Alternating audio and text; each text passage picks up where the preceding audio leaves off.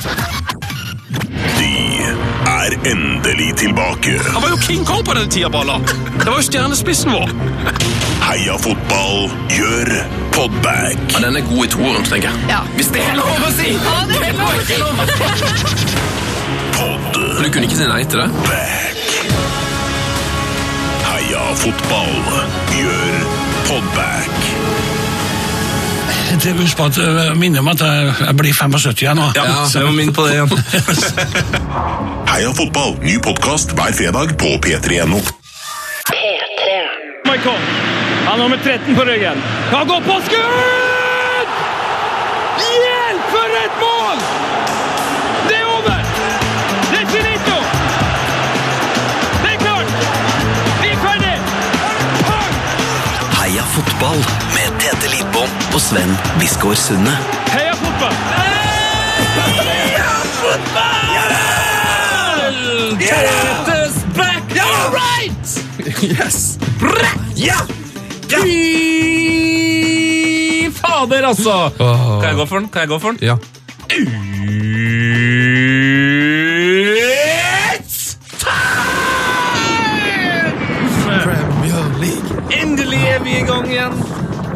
satan, Doribjæri kakkeri, så er snart Premier League i gang òg.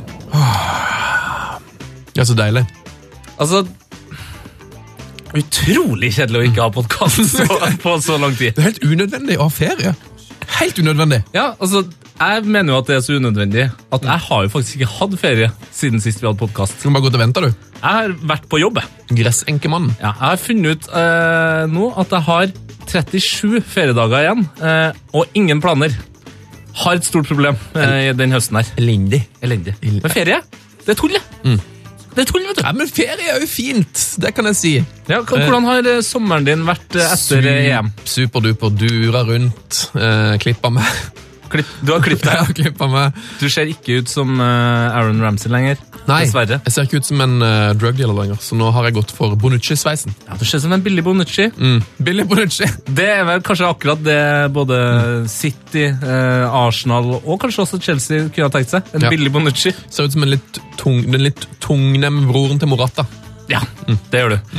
Men uh, høydepunkt da, fra ferien? Et par. Nei, eh, si det, altså. København var bra. Du har vært i Copenhagen. Copenhagen, veldig fin by. Mm, kjørt mye bil, bada en del. Ja. Tror, jeg, tror der har du highlightsen. Der er dine highlights. ja. Det er jo ikke akkurat Det er jo ikke supersprekt, legger jeg merke til. jo, det synes jeg. Eh, Uansett, det har vært en strålende sommerferie mye pga. fotballen. Altså, United har jo eh, bretta opp ermene. Eh, fått seg noe litt Zlatan, fått seg litt Mourinho, Mourinho, litt Pogba, litt Bailly, eh, litt Mkhitaryan. Ja, Så det er gøy for deg å være United-supporter. Er si. Men det kuleste som har skjedd, egentlig um, Altså, du skal ikke spørre meg om hvordan min sommer har vært, nei. Nå er litt dårlig tid nå. Ja, men ja, det vet jeg Ok, ikke. da, tar, da tar vi din sommer. Åssen har din sommer vært? Helt? Min sommer har vært veldig bra. Jeg har vært på jobb. Jeg Hadde en liten ukes ferie. Bada én gang. Skulle egentlig hoppe i fallskjerm, men eh, det kunne jeg gjøre, for jeg skada meg. Men kan jeg vi, ska, Wow. Skadinga kan vi snakke om eh, siden. Wow. Skadinga kan vi snakke om siden, men jeg må bare si jeg møtte eh, dødsfrykten min i sommer. Gjorde du det? Var på Tusenfryd. Jeg elsker karuseller og berg-og-dal-bane. Alt. Altså, jeg har aldri vært redd for noe. Spin Spider. Spin Spider. Spin Spider. Til dere som har prøvd den, dere skjønner hva jeg mener. Til dere andre, prøv den, men bare én gang. Altså. Det er det skumleste jeg har gjort i hele mitt liv! Hva skjer? det Henger du i sånne tråder under en Nei, sånn det kan eh, forklares. tallerken? Det kan forklares annet at det er dødsfrykten kommer. kommer. Eh, altså Kjæresten min, som et par dager før hadde hoppa i fallskjerm, sa at Spinspider var ti ganger verre. Oi, Ti ganger verre enn å hoppe i fallskjerm, Sven! shit. Pommes frites. Ja. Sånn, da kan vi fortelle om eh, høydepunktet. Ehm, ja, det var vel kanskje nyheten om at um, fra lørdag 20. august så er Heia fotball òg et radioprogram. Altså, Au det er det samme som òg? Ja. Heia fotball skal på radio. Det, Ja. det, det, en, det var en gledelig nyhet for meg å ha mottatt. Det har vært en liten hemmelighet fram til nå. Det er egentlig ikke offentliggjort ennå, men vi sier det jo på podkasten til dere som følger med der. Ja, det er jo Dere er på en måte i den indre sirkel. Ganske stor sirkel. Så um, da kan Heia fotball blir et radioprogram! Yes, fra og med neste lørdag. Lørdag 20. august så blir det fra, fra 12 til 2. 12 til 2! Mm. Perfekt timing. Heia fotball! Heia fotball. Heia fotball! Nå leveres det? god Skal vi ta imot ukas gjest, eller? Ja, det synes jeg. Uh, ukas gjest er Altså, jeg vil si etter hvert Jeg vil si at det her er en slags bestevenn av Heia fotball. Ja. Eh, han har jobba i TV 2, TV Norge, Max, Eurosport, Discovery. Eh, jeg tror jeg har glemt noe her, men han har jobba masse masse steder. Han har lagd Martin Ødegaard-dokumentar, og ikke nok med det, han har jo vært festsjef på Hartvig Nissen videregående, og en av Norges mest ivrige fantasyspillere, Jonas Berg Johnsen. Velkommen tilbake til oss. Takk for det, gutter! Du, med den der eh, CV-en så er det på en måte en slags norsk fotball- og sportsjournalistikks Christian Vieri. Altså Bobo. Oi, ja, den har jeg ikke hørt før. Ja, Du bytter klubber ofte og, Å, ja, sånn, ja. og ja det, mye. Og... det høres jo litt voldsomt ut når du ramser opp alle der, men um, jeg har jo faktisk bare vært fem år i TV 2 og nå to år i Discovery, så det er jo ikke så uh, Jeg har ikke den globetrotter-klubbskiftstempelet helt ennå. Nei, det er sant. Det høres voldsomt ut, men Discovery eier vel TV Norge og Max og Eurosport. Det er det som er, skjønner du. Og, og så Sånn har du at, du jobba Jeg har sett deg noe annet sted òg. Er det noe Nettavisen eller Norsk Tipping? Eller? Ja, det der er litt surr, ikke sant? Det var da det ble noe oppslag om dobbeltroller og sånt. Ja, jeg har eh, hatt engasjement også da i noe som heter Ullevål Mediasenter, som er et produksjonsselskap som Discovery benytter seg av.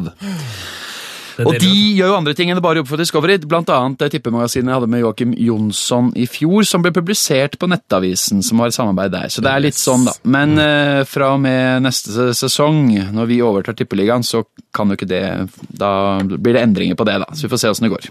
Ja. Stav Mkhitarian så fort dere kan, begge to.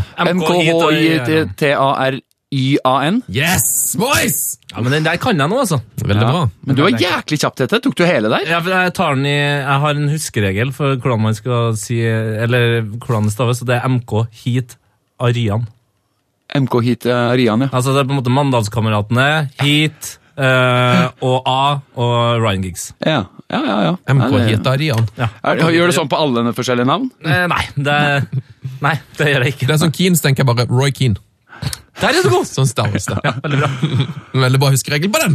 Eh, har du kasta krykene, Jonas Berg Johnsen? Ja, det har jeg gjort. Det var jo en, eh, du hadde jo en selsom sommer, selv om du kanskje hadde tidenes sommer. på en måte. Ja, i kombinasjon. Eh, frykta det litt, men eh, krykker er ikke så verst, altså. Hvor Eh, gikk du på krykka? Nei, eh, sånn som folk flest går på krykker, da. Støtter seg på dem og hinker bortover. Ja, men hvor lenge? Lenge, ja. Å ja. Eh, pfu, det var vel i åtte-ti uker. Ti uker. Ti oh, uker. Og det som er så rart, er at eh, når jeg bare har prøvd kompisers krykker sånn 100 meter, Ja. når de har uh, hinka rundt med et eller annet, så har jeg tenkt å, fy faen. Det her er jævlig. Mm. Men det, man, det er rart, man venner seg til alt. Man blir eh, For du har jo kasta krykkene, og du har kasta dem relativt langt, for du har kasta dem til meg. det stemmer, det. Ja, jeg har gått på krykka nå i tre uker. Man blir sterk, altså! Ja. Som om vi trengte større overarm fra før. Tette. Ja, Oh, your, your guns are loaded! ja men, det, ja, men det, er, det er helt utrolig. Eh, Den, eh, altså, den overkroppen jeg er i ferd med å få, den har ikke jeg sett siden jeg var 17-18. For jeg tenkte at jeg skulle bli tjukk jeg, under krykketilværelsen. For jeg, man, ikke man får ikke løpt så mye og sånn. Nei, det er problemet. Så det blir ølvorm og store biceps. Triceps. Jeg syns folket fortjener å høre historier om hvorfor det går på krykke. Det er jo noe av det mest absurde jeg har hørt. Ja, Det som er kjipt med eh, historien, annet enn at eh, jeg er skada, er jo at den er bisarr, men kjedelig. Eh, så jeg skal prøve å Nei, den er jo Altså Den er jo ikke kjedelig. Ok, Nei, Det er sikkert bare fordi jeg har fortalt meg. Men jeg var eh, på, på ferie med min egen familie og svigerfamilien. Eh, altså den store, for, gode Det familien. derimot kan være kjedelig. Ja, det, nei da, det er veldig bra. vet du. God stemning.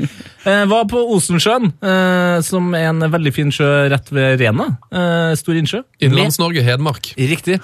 Ekstremt lang sandstrand. Sto der, leka med Kasta ball da, med et par av familiens hunder. Eh, Tre-fire timer av og på. Et kvarter før vi skulle dra, så tar jeg opp ballen.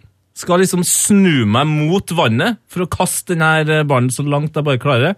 Snur meg veldig fort. Eh, Den ene hunden tror at jeg har kasta den langs stranda. Eh, hvorpå da den launcher.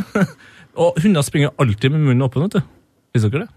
Springer alltid med munnen åpen. Nei, sikkert. Så han launcher da rett inn i eh, sida på min eh, venstre pedal, eh, og borer da eh, den ene hjørnetanna eh, langt, langt inn i foten min, ah. og jeg får et eh, langt og meget dypt kutt.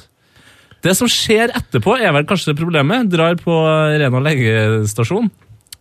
Eh, legen syr. Går tre uker på krykka, såret gror aldri, tar ut stingene. Eh, det blir verre. Eh, det hovner opp. Ikke noe infeksjon. Drar til legen, Ja, det er heldigvis. drar til legen igjen. Kommer inn en eh, så klassisk lege, 65 år, penn i munnen, og bare kikker på såret i eh, to- sekunder. Og sier bare, hva er det som har skjedd der? Gi meg, gi meg tidslinja. Så gir jeg, gir jeg en tidslinja, og så blir han forbanna. Både på meg og den forrige legen. Oh. Hva er det som har skjedd her, da? Også sting i dyrebitt. Det, er, eh, det, det skal ikke være det, vet du. Det er det dummeste jeg har sett. Så det skal gro åpent. Uh, gir deg en uke, så eh, er du oppe og går igjen. Så nå er jeg på dag fire. Såret har aldri sett bedre ut. herregud. Så de gjorde rett og slett feil. Megafeil. You have to sue those guys at the Renna Ja. legekontor. Men det høres så eh, I og med at det er så opplagt hos han andre legen, så syns jeg sånt er så snodig. Ja, Hvordan det kan skje. Det er veldig rart. Jeg husker når jeg kom inn på det legekontoret på Rena her, så var det en eh, sånn intern som eh, tok meg imot og sa ja, du, du får komme om eh, 15 minutter. eh, vi har en annen en her. Da, eh, vi, er litt sånn, vi er ikke så mange på jobb. Eh, men det gir meg jo tid til å lese om det her. Så han skulle Han leste seg opp, ja. ja. Men han leste jo tydeligvis feil. Shit. Men det var en intern som gjorde dette, eller en lege i Nei, nei, det var han bare skulle eh, liksom briefe legen etterpå. Ja. For jeg har en del legevenner som er der, eh, den satsen der nå, hvor de eh, er i praksis og turnus og sånn, og Ja. de, det er ikke noe kjæremor for dem, ass. Det er rett ut i, de pælmes ut der. Du må kunne altfor mye for, Ja. hvis du skal være lege. Så, men jeg synes ofte, sånn som legevakta nå for eksempel, det er mye med mm, turnuskandidater å gjøre, Syns det er drita bra folk, jeg. Ja, ja jeg liker Jeg må si, jeg har det samme forholdet til lege som jeg har til dommere. Eh, Jeg, jeg kunne aldri tenkt meg å være det, være, det sjøl, men jeg er utrolig glad for at noen Ja. eh, tar den jobben. Godt poeng. Ja, godt det poeng. veldig godt poeng. Tenk at noen gjør det frivillig. Ja, Vandrer er rundt på sykehus hele dagen. Det er litt sånn, det jeg har jo snakka om før, eh, apropos dommere. det er at Du kan hate dem så mye du vil, altså, men uten dem så er det faktisk ikke noen fotballkamp. Det er helt sant. Det er helt sant. Det er viktigste. Så du ble altså løpt ned av en hund? Det er jo Det, jeg synes ikke det er noe kjedelig med det, men det er jo selvfølgelig kjipt, da, og det var jo ikke noe gøy for noen involverte, det vil, vil jeg tro. Nei, Men du har det- ikke fått rabies? Nei, ikke fått rabies, fått stivkrampesprøyte, så jeg slipper å ta på ti år. Og ikke minst, hun lever. veldig, veldig bra. Skal vi sette i gang med litt fotballpreik? Ja. Premier League. Aboom.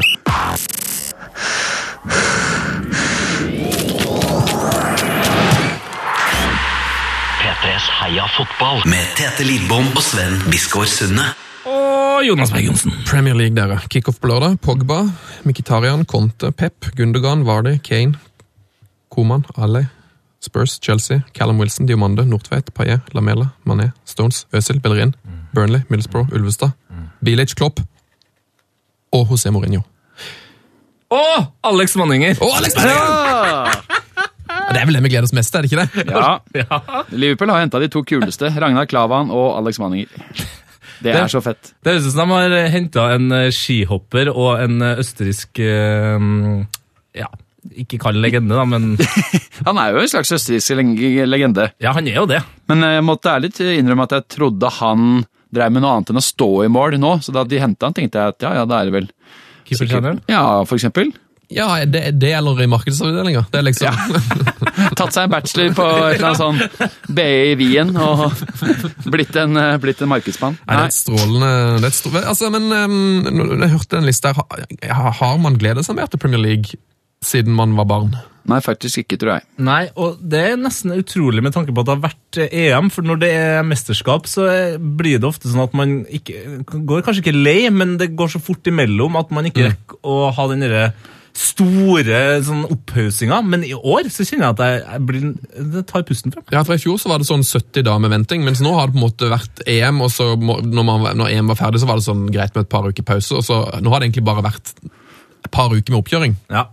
Så nå er det, det har liksom ikke vært like lenge, men allikevel. Altså. Nei, ekstremt intenst, men jeg tror det her har mye med å gjøre selvfølgelig tilgjengeligheten vi har på alt, i, via rykter og treningskamper og eh, daglige blogger osv. osv. Fra jeg var liten så husker jeg også at jeg gleda meg noe vanvittig til å se hva NRK hadde som tippekamp denne uka, og så var det to til tre ganger i sesongen så var det Arsenal. Men jeg har ikke så mange minner fra somrene. Hvordan var det da? Jeg husker, en ting jeg husker veldig godt var da jeg var ute og spilte fotball i hagen Ja. sammen med kompiser, og så kom mutter'n ut på på terrassen og så sa hun Erik Cantona legger opp. Og da jubla jeg så grådig. Vi løp hagen rundt og kasta oss. Det var sånn Klinsmann-vær. For det var, eh, det var regn, og vi hoppa rundt og var helt gale, jeg og mine to kompiser. da, Én Arsenal og én Liverpool. Fordi vi var sånn Cantona er borte. Endelig er det muligheter for å ta, for å ta det gullet, og det gjorde jo Arsenal sesongen etter. Det var helt, helt rått. Cantona var borte, og Keane var, eh, var skada hele sesongen etter det angrepet på Alf Inge Haaland. Det, det minner meg om når tekst-TV og radio var på sitt beste, altså sånn internettmessig. Eh, Det var akkurat som du kunne sammenligne det, for jeg husker min morfar drev butikk, eh, og mormor jobba der, og så var jeg inn på den butikken. Um, og så sto jeg i ferskvareavdelinga, for der sto det alltid noen hyggelige damer som ga meg både mat og penger. Og så sier hun ene Så sier hun ene Nå vet ikke jeg om du er Manchester United-supporter, eh, men det er jo alle sammen. Men jeg kan fortelle deg at en Ellen Shearer er klar for United. Og så er jeg bare sånn Å, fy, det er jo en helt vill overgang, ikke sant? Og så drar jeg hjem og bare Wow, Alan Shearer skal til United. Og så går jeg inn på tekst-TV, for det var det man gjorde på den tida. Og så, det var på sånn 20 minutter etterpå. Nei, Alan Shearer skal jo ikke til United likevel! Han er blitt snappa av, av Newcastle. Newcastle United. Newcastle United. Kanskje dama i butikken hadde misforstått. Nei, men det var jo det som var greia med hele den saken der. Ja, han skulle til United. ja, det er sant, det. Hadde det vært internett, så hadde det kom, kommet til å vært det samme. Men her foregår, hun hadde hørt det på radio. Så gikk jeg 20 minutter siden, sjekka på tekst-TV. Viste seg at Alan Shearer drar til Newcastle United. Ferguson skrev vel om det i boka si. Ja. Jeg husker da Clowns, Oh. side 295. 2,95. Eh, Det er ikke For et par år siden, da jeg fortsatt jobba i TV 2, så snakka vi om clowns. Tenkte vi, må jo finne de gutta som lagde clowns. Mm, De må jo ha tjent uforvelige summer penger. Og det tror jeg også de gjorde, men så var det noen som hadde fått litt nyss i at det vært Det var ikke alt som var like greit da, i forbindelse med avviklingen av Clowns, og det var litt sånn Ja, det var ikke, det var ikke noe å lage, lage reportasje på, da, for å si det sånn. Så vi, vi, la, det, vi la det dødt. Men ehm, Clownsmannen er fra Mandal, han. Er han det, ja? Mm. Kan du forklare det til dem som ikke helt vet hva det her er? Clowns var egentlig det som nå TV 2 og alle andre gjør, som, som er den der ryktemølla. Mm. Men bare at eh, man kunne jo ikke Man hadde jo ikke så mye tilgang til nettaviser, det var liksom ikke så lett tilgjengelig. Så det var egentlig bare en telefonsvarer du kunne ringe til. Stemmer. Eh, De hadde en telefonsvarer for alle lag i Premier League, så kunne du ringe til ditt lag, og så kunne du eh, høre på den telefonsvareren hvor det var litt sånn dagens rykte. da. Yes, og det kosta ni kroner minuttet, det var ganske mye penger midt på 90-tallet. Og eh, så hadde de alltid sånne frekke teasertekster på den side 295, som Yes. det var bladde mellom tre eller fire sider sånn fram og tilbake. Og da var det sånn Fransk stjerne klar for Arsenal. Og så er det sånn åh, Så, må du, så Skal ringer du, ikke sant? Og så har de da gjerne lagt inn en tre, fire, fem andre nyheter i mellomtida som han brukte lang tid på å lese opp, før du liksom da kom til den eh, Arsenal-nyheten, eller franske stjerne som da var kanskje ikke noe signering, det var bare, det var bare rykter, det òg. De må ha tjent altså så grovt. Jeg brukte den telefonen så mye.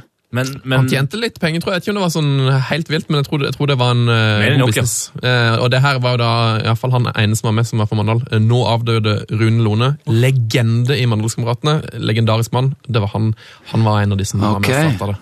Men, så her er det en historie som må kanskje følges opp allikevel. Ja, ja, ja da. Men, men eh, det hadde jo vært gøy å gjort noe lignende bare for nostalgiens skyld. eh, Altså En uke før uh, transfervinduet er over. Eller bare på Starte en tekst-TV-tjeneste med Ja, telefonringing. Eller siste dagen, da. Deadline day. Kjør liksom eh, Clowns Revival. Du kan jo, du kan jo lage en podkast som heter Tete Lidboms Premier Clowns, og så kan du bare legge ut sånne podkaster på sånn 25 sekunder. Det står ikke noe Croach tilbake. Croach! Det er ikke sikkert det kan være broren. Du er Arsenal-mann, Jonas Berg Johnsen. Ja, Hva har skjedd der? Gi oss, eh, det, er med det, det laget du har fulgt tettest Ja. i sommer. Eh, absolutt, og det er jo eh, Basically har vi kjøpt Granit Chaka, som er en kjempeforsterkning. En eh, herlig, dyptliggende, sterk, robust playmaker med en nydelig fot. Som er en klassesignering, kosta nesten 400 mil. Og så er det Rob Holding fra Bolton, som var årets spiller eh, der i det laget som jo slapp inn eh, tre mål hver kamp og rykka ned. Holding, Eh, holding midtfielder, eller? Han kan sikkert bekle den rollen også, men han er midtstopper eh, og parentes høyreback da, i utgangspunktet. Og så har vi signert en sånn Asano-variant fra Japan, som jeg ikke aner noen ting om. Og så er han en ung nigerianer. Be, be, bers- besatt med drakter. Eh, altså har solgt mer De hadde tjent inn dobbelt så mye penger på draktsalg på Asano som United hadde tjent på Zlatan, på. I alle dager. Ja, Men, det er sånn, jeg, jeg har jo lest litt om disse her avtalene som eh, de store Nike, Puma, Adidas osv. har med klubbene, og det er jo De stikker jo av med 85-90% av, eh, Ja, Om det ikke er mer også. Omsetningen, ja. Og, det- Ja, og det er ja etter altså sånn estimert antall salg. United så hadde tre millioner eh, solgte drakter i 2014-15-sesongen. Mm. Og det var først etter x antall mil drakter at United fikk en cut i det hele tatt, så det der er bare en myte. Ja, det er sant, men uh, jeg vil jo tro at i og med at de er draktsponsorer, og det ligger en uh, Kanskje det ligger noen bonuser i salg og sånne ting. Ja, jeg, jeg, det er klart, jeg, og- jeg, tror ikke Puma kommer til å bli, bli sure på Arsenal. Nei, det vet jeg ikke. den, eh, og det er klart, eh, typer som Zlatan og Pogba og sånn vil jo også uh, selge langt flere drakter, men Mm. nå kommer det jo nye drakter hver eneste sesong. Veldig mange kjøper nye drakt hver sesong. Så spørsmålet er, ok, da har de kanskje Pogba på ryggen istedenfor uh, Chris Smalling, da. Mm. Eh, har de da solgt flere drakter? Det er ikke sikkert at de har solgt så, så mange flere. De har i hvert fall kanskje solgt litt flere, men ikke, ikke så enormt mange. Når, å, det er solgt 200 000 med Pogba på ryggen. Ja, men 150 000 av de hadde kanskje kjøpt uh, Shaw, Valencia, Smalling eller Carrick, hvis ikke de hadde kjøpt Pogba, da, ikke sant? Det er et veldig godt argument. Men, Men, ja, men, så, men generelt så er jo sommeren veldig frustrerende for Arsenal-supportere. Ja. Eh, I hvert fall de av oss som har uh, lyst på å vinne Premier League, og kanskje hevde oss i Champions League.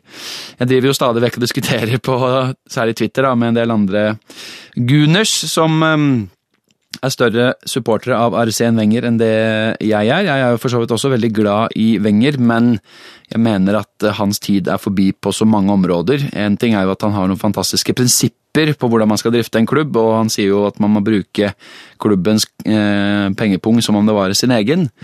Men sånn som markedet har utvikla seg, så er jo det å stikke huet i sanda og bare late som at det ikke skjer noe der oppe. Det, mm, for det funker jo ikke. Rett og slett. Og man har jo allerede betalt veldig mye penger for en fyr som Granit Chaka, som jo er en eh, klassespiller, men det var kanskje ikke der jeg ville brukt de 400 første millionene, da, for å si det sånn. Eh, fordi hvis man går ut ifra at eh, Nå kan man jo ikke gå ut ifra det, men at Wilshere og Coquelin og Casorla osv. har mye mindre skader enn i fjor, så har man jo egentlig allerede to-tre spillere flere der enn man hadde store deler av fjorårssesongen. Mm. Så den konkurransen her er knallhard. Jeg sier ikke at eh, Chaka kommer til å gå inn på laget, han og blir forhåpentligvis en, eh, en braksuksess, men men det sier jo sitt når Wenger hver sommer siden 2013 har forsøkt å hente en spiss, ikke har fått det til ordentlig. Han fikk Welbeck på slums fordi han ble gjort tilgjengelig av van Gaal for en billig penge, derfor kastet han på det. Han har prøvd Walcott, han har prøvd eh, Alexis bare noen få kamper før. Nå ser det ut som det er Alexis som starter på topp mot Liverpool, fordi han ikke har noe tillit til Walcott, ikke sånn spiss eller kantspiller, egentlig. Men allikevel så klarer man ikke å selge han, så jeg, jeg syns de, mm, de er mye mer kompromissløse og knallharde i de andre klubbene. Mourinho er et stjerneeksempel, kommer inn, sier vi mangler en stjernespiss, vi mangler en kreativ midtbanespiller, vi mangler en midtbanemotor og vi mangler en klassestopper. Bam! Inn. Samme gjorde han da han kom til Chelsea og henta Costa Fabregas. Så kan du si at det er en pengebruk som er hinsides, men i eh, som andel av omsetning så er det jo ikke så grusomt mye, egentlig. Selv om det selvfølgelig til sammen er masse, masse penger. Så er det bare tøys at ikke Arsenal skal klare å finne spillere som er superior quality, eller eh, big, big, top, top quality, liksom. Som Enger nå eh, senest i dag sa på pressekonferansen at we are in the market if we can find players that are better than we have, liksom. Og når man da har eh, mot Liverpool, som ser ut som å komme i gang med sesongen på en nydelig måte, eh, med masse spillere som er, har vært en god preseason med klubben, ikke hatt EM, ikke hatt Copa America, sånt noe.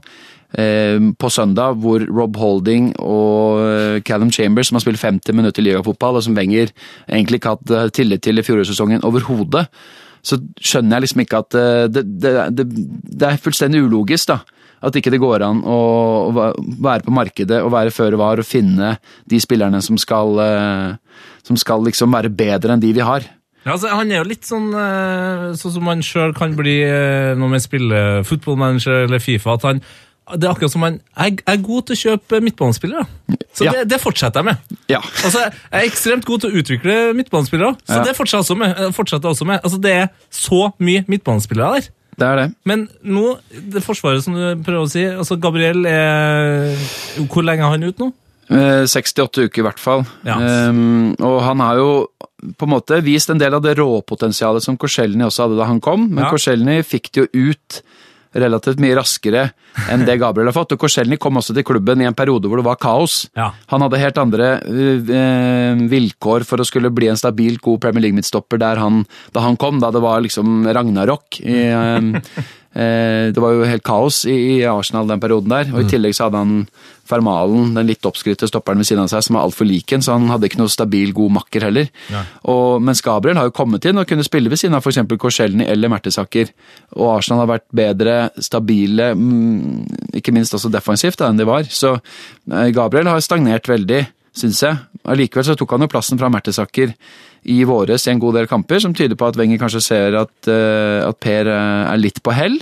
Samtidig fortsatt en viktig figur i klubben, skal være der. Han har kontrakt ut sesongen, nå ble jo han langtidsskadd. Men at det da, det er jo snart fire uker siden. Mertesaker eh, ble bekrefta ute et halvt år. Og det har ikke kommet inn en stopper ennå. Men det som er bra med at Mertesaker er ute et halvt år, det er jo at han mest sannsynlig skriver en barnebok til. Nå er han hjemme i Hannover med familien sin, så jeg. Så kanskje han har litt tid til overs der. Man blir jo litt lei av å gå og trampe opp i hvis man, Han har jo på en måte Fotballspillere har jo generelt mye tid hjemme, egentlig, sånn på dagtid. Jeg vet ikke om, Det er ikke alle som er like flinke til å bruke det som sånn åtte til fire på treningssenteret. Så øh, man blir, jeg kunne tenke meg at man blir litt sånn lei av familien sin utgangspunkt ja, hvis man er fotballspiller. Man må jo liksom, Når du er skada i tillegg og kun skal inn og, og løfte litt vekter og svømme litt et par timer om dagen, og da blir mye døte hjemme, da. Ser at dette begynner å svette bare av tanken på det. Ja. Eh, vi har fått et lytterspørsmål som du allerede har besvart, men det er Bjørnar Støylen Sæle som spurte hva, hva ditt forhold var til Arsen Wenger. men eh, det, det, ikke det, helt, det er ikke det helt store, Det kanskje? så jeg, det er ingenting mer i hele verden enn jeg ønsker at han skulle ha fått avslutta karrieren i Arsenal med kjempesuksess. Og det var jo eh, Heldigvis så kom jo disse FA Cup-gullene, men man må ikke glemme at man var jo millimeter og centimeter unna å, å ryke mot først eh, Wiggen i semifinalen og så Hull i finalen for to år siden. um, og hadde ikke Arsenal vunnet den FA-cupen, så tror jeg ikke Wenger hadde signert ny kontrakt. Da hadde han vært ferdig. Så så små marginer er det. Um, Men, men, men det, jeg, tror, jeg har ikke trua på at han én er kapabel nok på transfersmarkedet til å hente de spillerne som trengs. Han innser ikke de realitetene av en eller annen ufattelig grunn, og det, sånn har det vært i ti år. Han sto med Almonia i mål, han sto med Shamak, han sto med Ashavin som hengende spiss. Han, det, var, altså, det var Gale-Mathias, har vært det lenge, ja, selvfølgelig mindre penger etter Emirates og sånn, greit, men sånne prekære hull som det har vært i laget hans, som alle utvendig ser. Det er det jeg ikke skjønner. Og så nummer to, taktiske. Ja, han har blitt litt flinkere i noen kamper til å legge om, men jeg syns fortsatt ikke han eh, Målt mot Klopp, Conte, Mourinho, Simione osv. Pochettino, de han faktisk har målt seg med, så syns jeg ikke Wenger imponerer spesielt taktisk, og det har blitt mindre morsomt å se Arsenal de siste årene. Det er ikke så eh, Jeg syns ikke det er en like god plan å angrepsspillet som det var i gamle dager. Jeg syns, problemet, problem, kompromissbar. jeg syns problemet er at han aldri tar på brekket. Det er så mange kamper hvor de leder 2-0, og så skal han ha 3-0, og så blir det 2-1, Ja, og så blir det 2-2, fordi men- han, han, han vil for enhver pris angripe. Og det er jo Ja. egentlig litt deilig, men det er jo ikke På en måte, så lurt. Men, men, men akkurat det der er litt eh, Fordi det er så få kamper vi leder 2-0. Så det er liksom ikke det Det største problemet. lang, det tar for lang tid å lede 2-0. Eh, Ja, det er, det er oftere at Og det, det er ikke så ofte Arsenal ryker etter at de har leda med to mål lenger. Det er sånn, Den psyken er i hvert fall heldigvis litt borte. Men eh, de er altfor sårbare i mange kamper som står og vipper 0-0, 1-0, og så skaper Arsenal masse sjanser, bommer. Og så skårer motstanderen på første sjanse. Det er en sånn gjentagende følelse. Du, du er aldri trygg, som du er på en annen måte i eh, mannskapene til de, til de litt hvassere lagene, hvor du føler at de har en defensiv stabilitet og en, en balanse som er bedre, selv om de er offensive. Og det syns jeg ikke Wenger, om det er fordi han ikke har spillemateriellet. Det er noen kombinasjon av det, og at han ikke Han har aldri vært noe spesielt glad i å sette opp defensive lag. I 0-3-0-4 under Invincible, så spillerne som spilte da, sier jo at på taktikkmøtene så snakka de ikke om motstanderen. Nei. De var så gode at det blåste dem i, og det er jo det Wenger egentlig Ultimat sett er det han vil. Ja, det liker jeg litt, da. Jeg Det er kult, kult, men du må jo face realitetene. Er det kult lurt? Kult er ikke så ofte lurt. Men det er gøyere enn f.eks. for eksempel Fangala, som tenkte eh, La oss ikke det. bruke tida på Fangal i podkasten her, det. fordi det er det tristeste som var med Premier League. Vi kan begynne med det vanskeligste av alt, egentlig. Um, og det er jo, altså Man har United, City, Arsenal, Liverpool, Spurs, ja. Westham, Leicester, Southampton og Chelsea, som alle skal på en måte prøve å Komme topp fire? Hvem er det som skal havne i topp fire?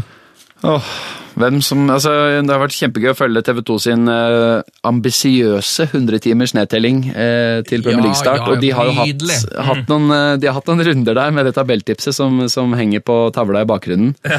Eh, og jeg syns det er altså så vanskelig. Ehm, jeg, jeg synes, det- det er jo rett og slett på papiret så mange lag som ikke bare skal være topp fire, men de har tittelambisjoner. Ja. Eh, hvorfor skal ikke Tottenham ha tittelambisjoner? I tillegg til selvfølgelig Liverpool, som ikke skal spille um, Europa. Kjempefordel. Jeg tipper Mourinho kommer til hylende F i Europa League, så de kommer til prinsippet også ikke spille Europa, de også. Eh, Chelsea har jo heller ikke europaspill. Så da har du tre lag der som har kjempefordel. City syns jeg har sett utrolig langt unna å være det Pep Guardiola vil at de skal være nå i sommer. Nå er det selvfølgelig mange spillere som ikke har kommet tilbake igjen så videre. Henta John Stones, ja vel. Skal han liksom bli den uh, store lederen? Ruka, liksom, ja. ja. Er jo uhyre viktig. Hvis Company kan holde seg skadefri, da, mm, da er jo City med en gang en, en mye større tittelkandidat enn det de er. Jeg synes, jeg har ikke Pep og City på topp ennå. Guardiola er genial, kanskje, men han har hatt Barcelona og, Bayern München. Dette her blir hans tøffeste utfordring. Ja, altså, men det er jo det, En ting er med City er jo at han har jo heller ikke gått veldig hardt ut som f.eks. Mourinho og sagt 'vi skal vinne serien i år'. Det, det, har, det, sier han liksom ikke.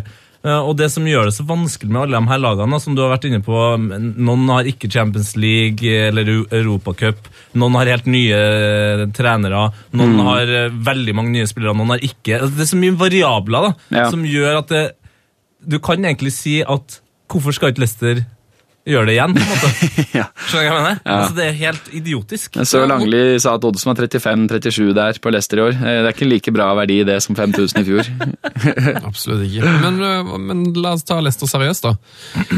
Ja. Hva er det som tilsier at de skal Jeg ser liksom De fleste har det et sted mellom seks og ti på tabelltipsene sine. Ja. Hva er det som tilsier at de skal falle utenfor topp fire når de vant med ti poeng i fjor og har jo et uh, Alt mulig rart. Ganske lite svekka man- mannskap, da. ja, Men de har mista sin kanskje viktigste spiller, da, i Kanté. Absolutt, men uh, Eh, som man så jo mot eh. United. så måten Jesse Lingard bare sklei inn der. Ja, det hadde ikke skjedd. Eh, jeg tror Kanté hadde i hvert fall vært i nærheten av prøvd å stoppe det. Eh, King er ikke like god. Nei. King Drinkwater, som skal da spille inn ved siden av han Mendy, heter han vel, han nye sentrale midtbanespilleren. Hæ? Ja, han fra Nis, ja. Ja, eh, som sikkert kan være kjempe... Du veit jo aldri, men ingen hadde hørt noen Kanté eller Mares egentlig heller eh, på, på ordentlig før eh, de slo gjennom. Så det kan jo være, men samtidig hadde de utrolig mange spillere som var i sitt livsform samtidig. Og ikke noen store skadeproblemer. Ingenting. Kunne spille samme lag hele veien. Hva skal de gjøre i Champions League? Eh, der er det jo toppsida. eh, I fjor var selvfølgelig en fluksesong. Arsenal som nummer to fikk 71 poeng. Ti poeng bak. Det- Ja, og det, 71 poeng er jo en vits for lag nummer to. Altså, det har jo vært eh, Man har hatt over 80 poeng eh, for å bli nummer to før. Mm. Så den summen Leicester tok, hadde jo ikke holdt til gull i så mange sesonger i det siste heller. Nei, men det er jo ikke sant, det, det er veldig Ja, mye jeg, jeg for min del altså, er ikke i nærheten av det på topp seks. Jeg tror eh, de topp seks er de som dere har lista opp, også Westham 7, tror jeg. Og så blir det Stoke, Southampton, Leicester og Everton i det sjiktet fra 8 til 11, tror jeg.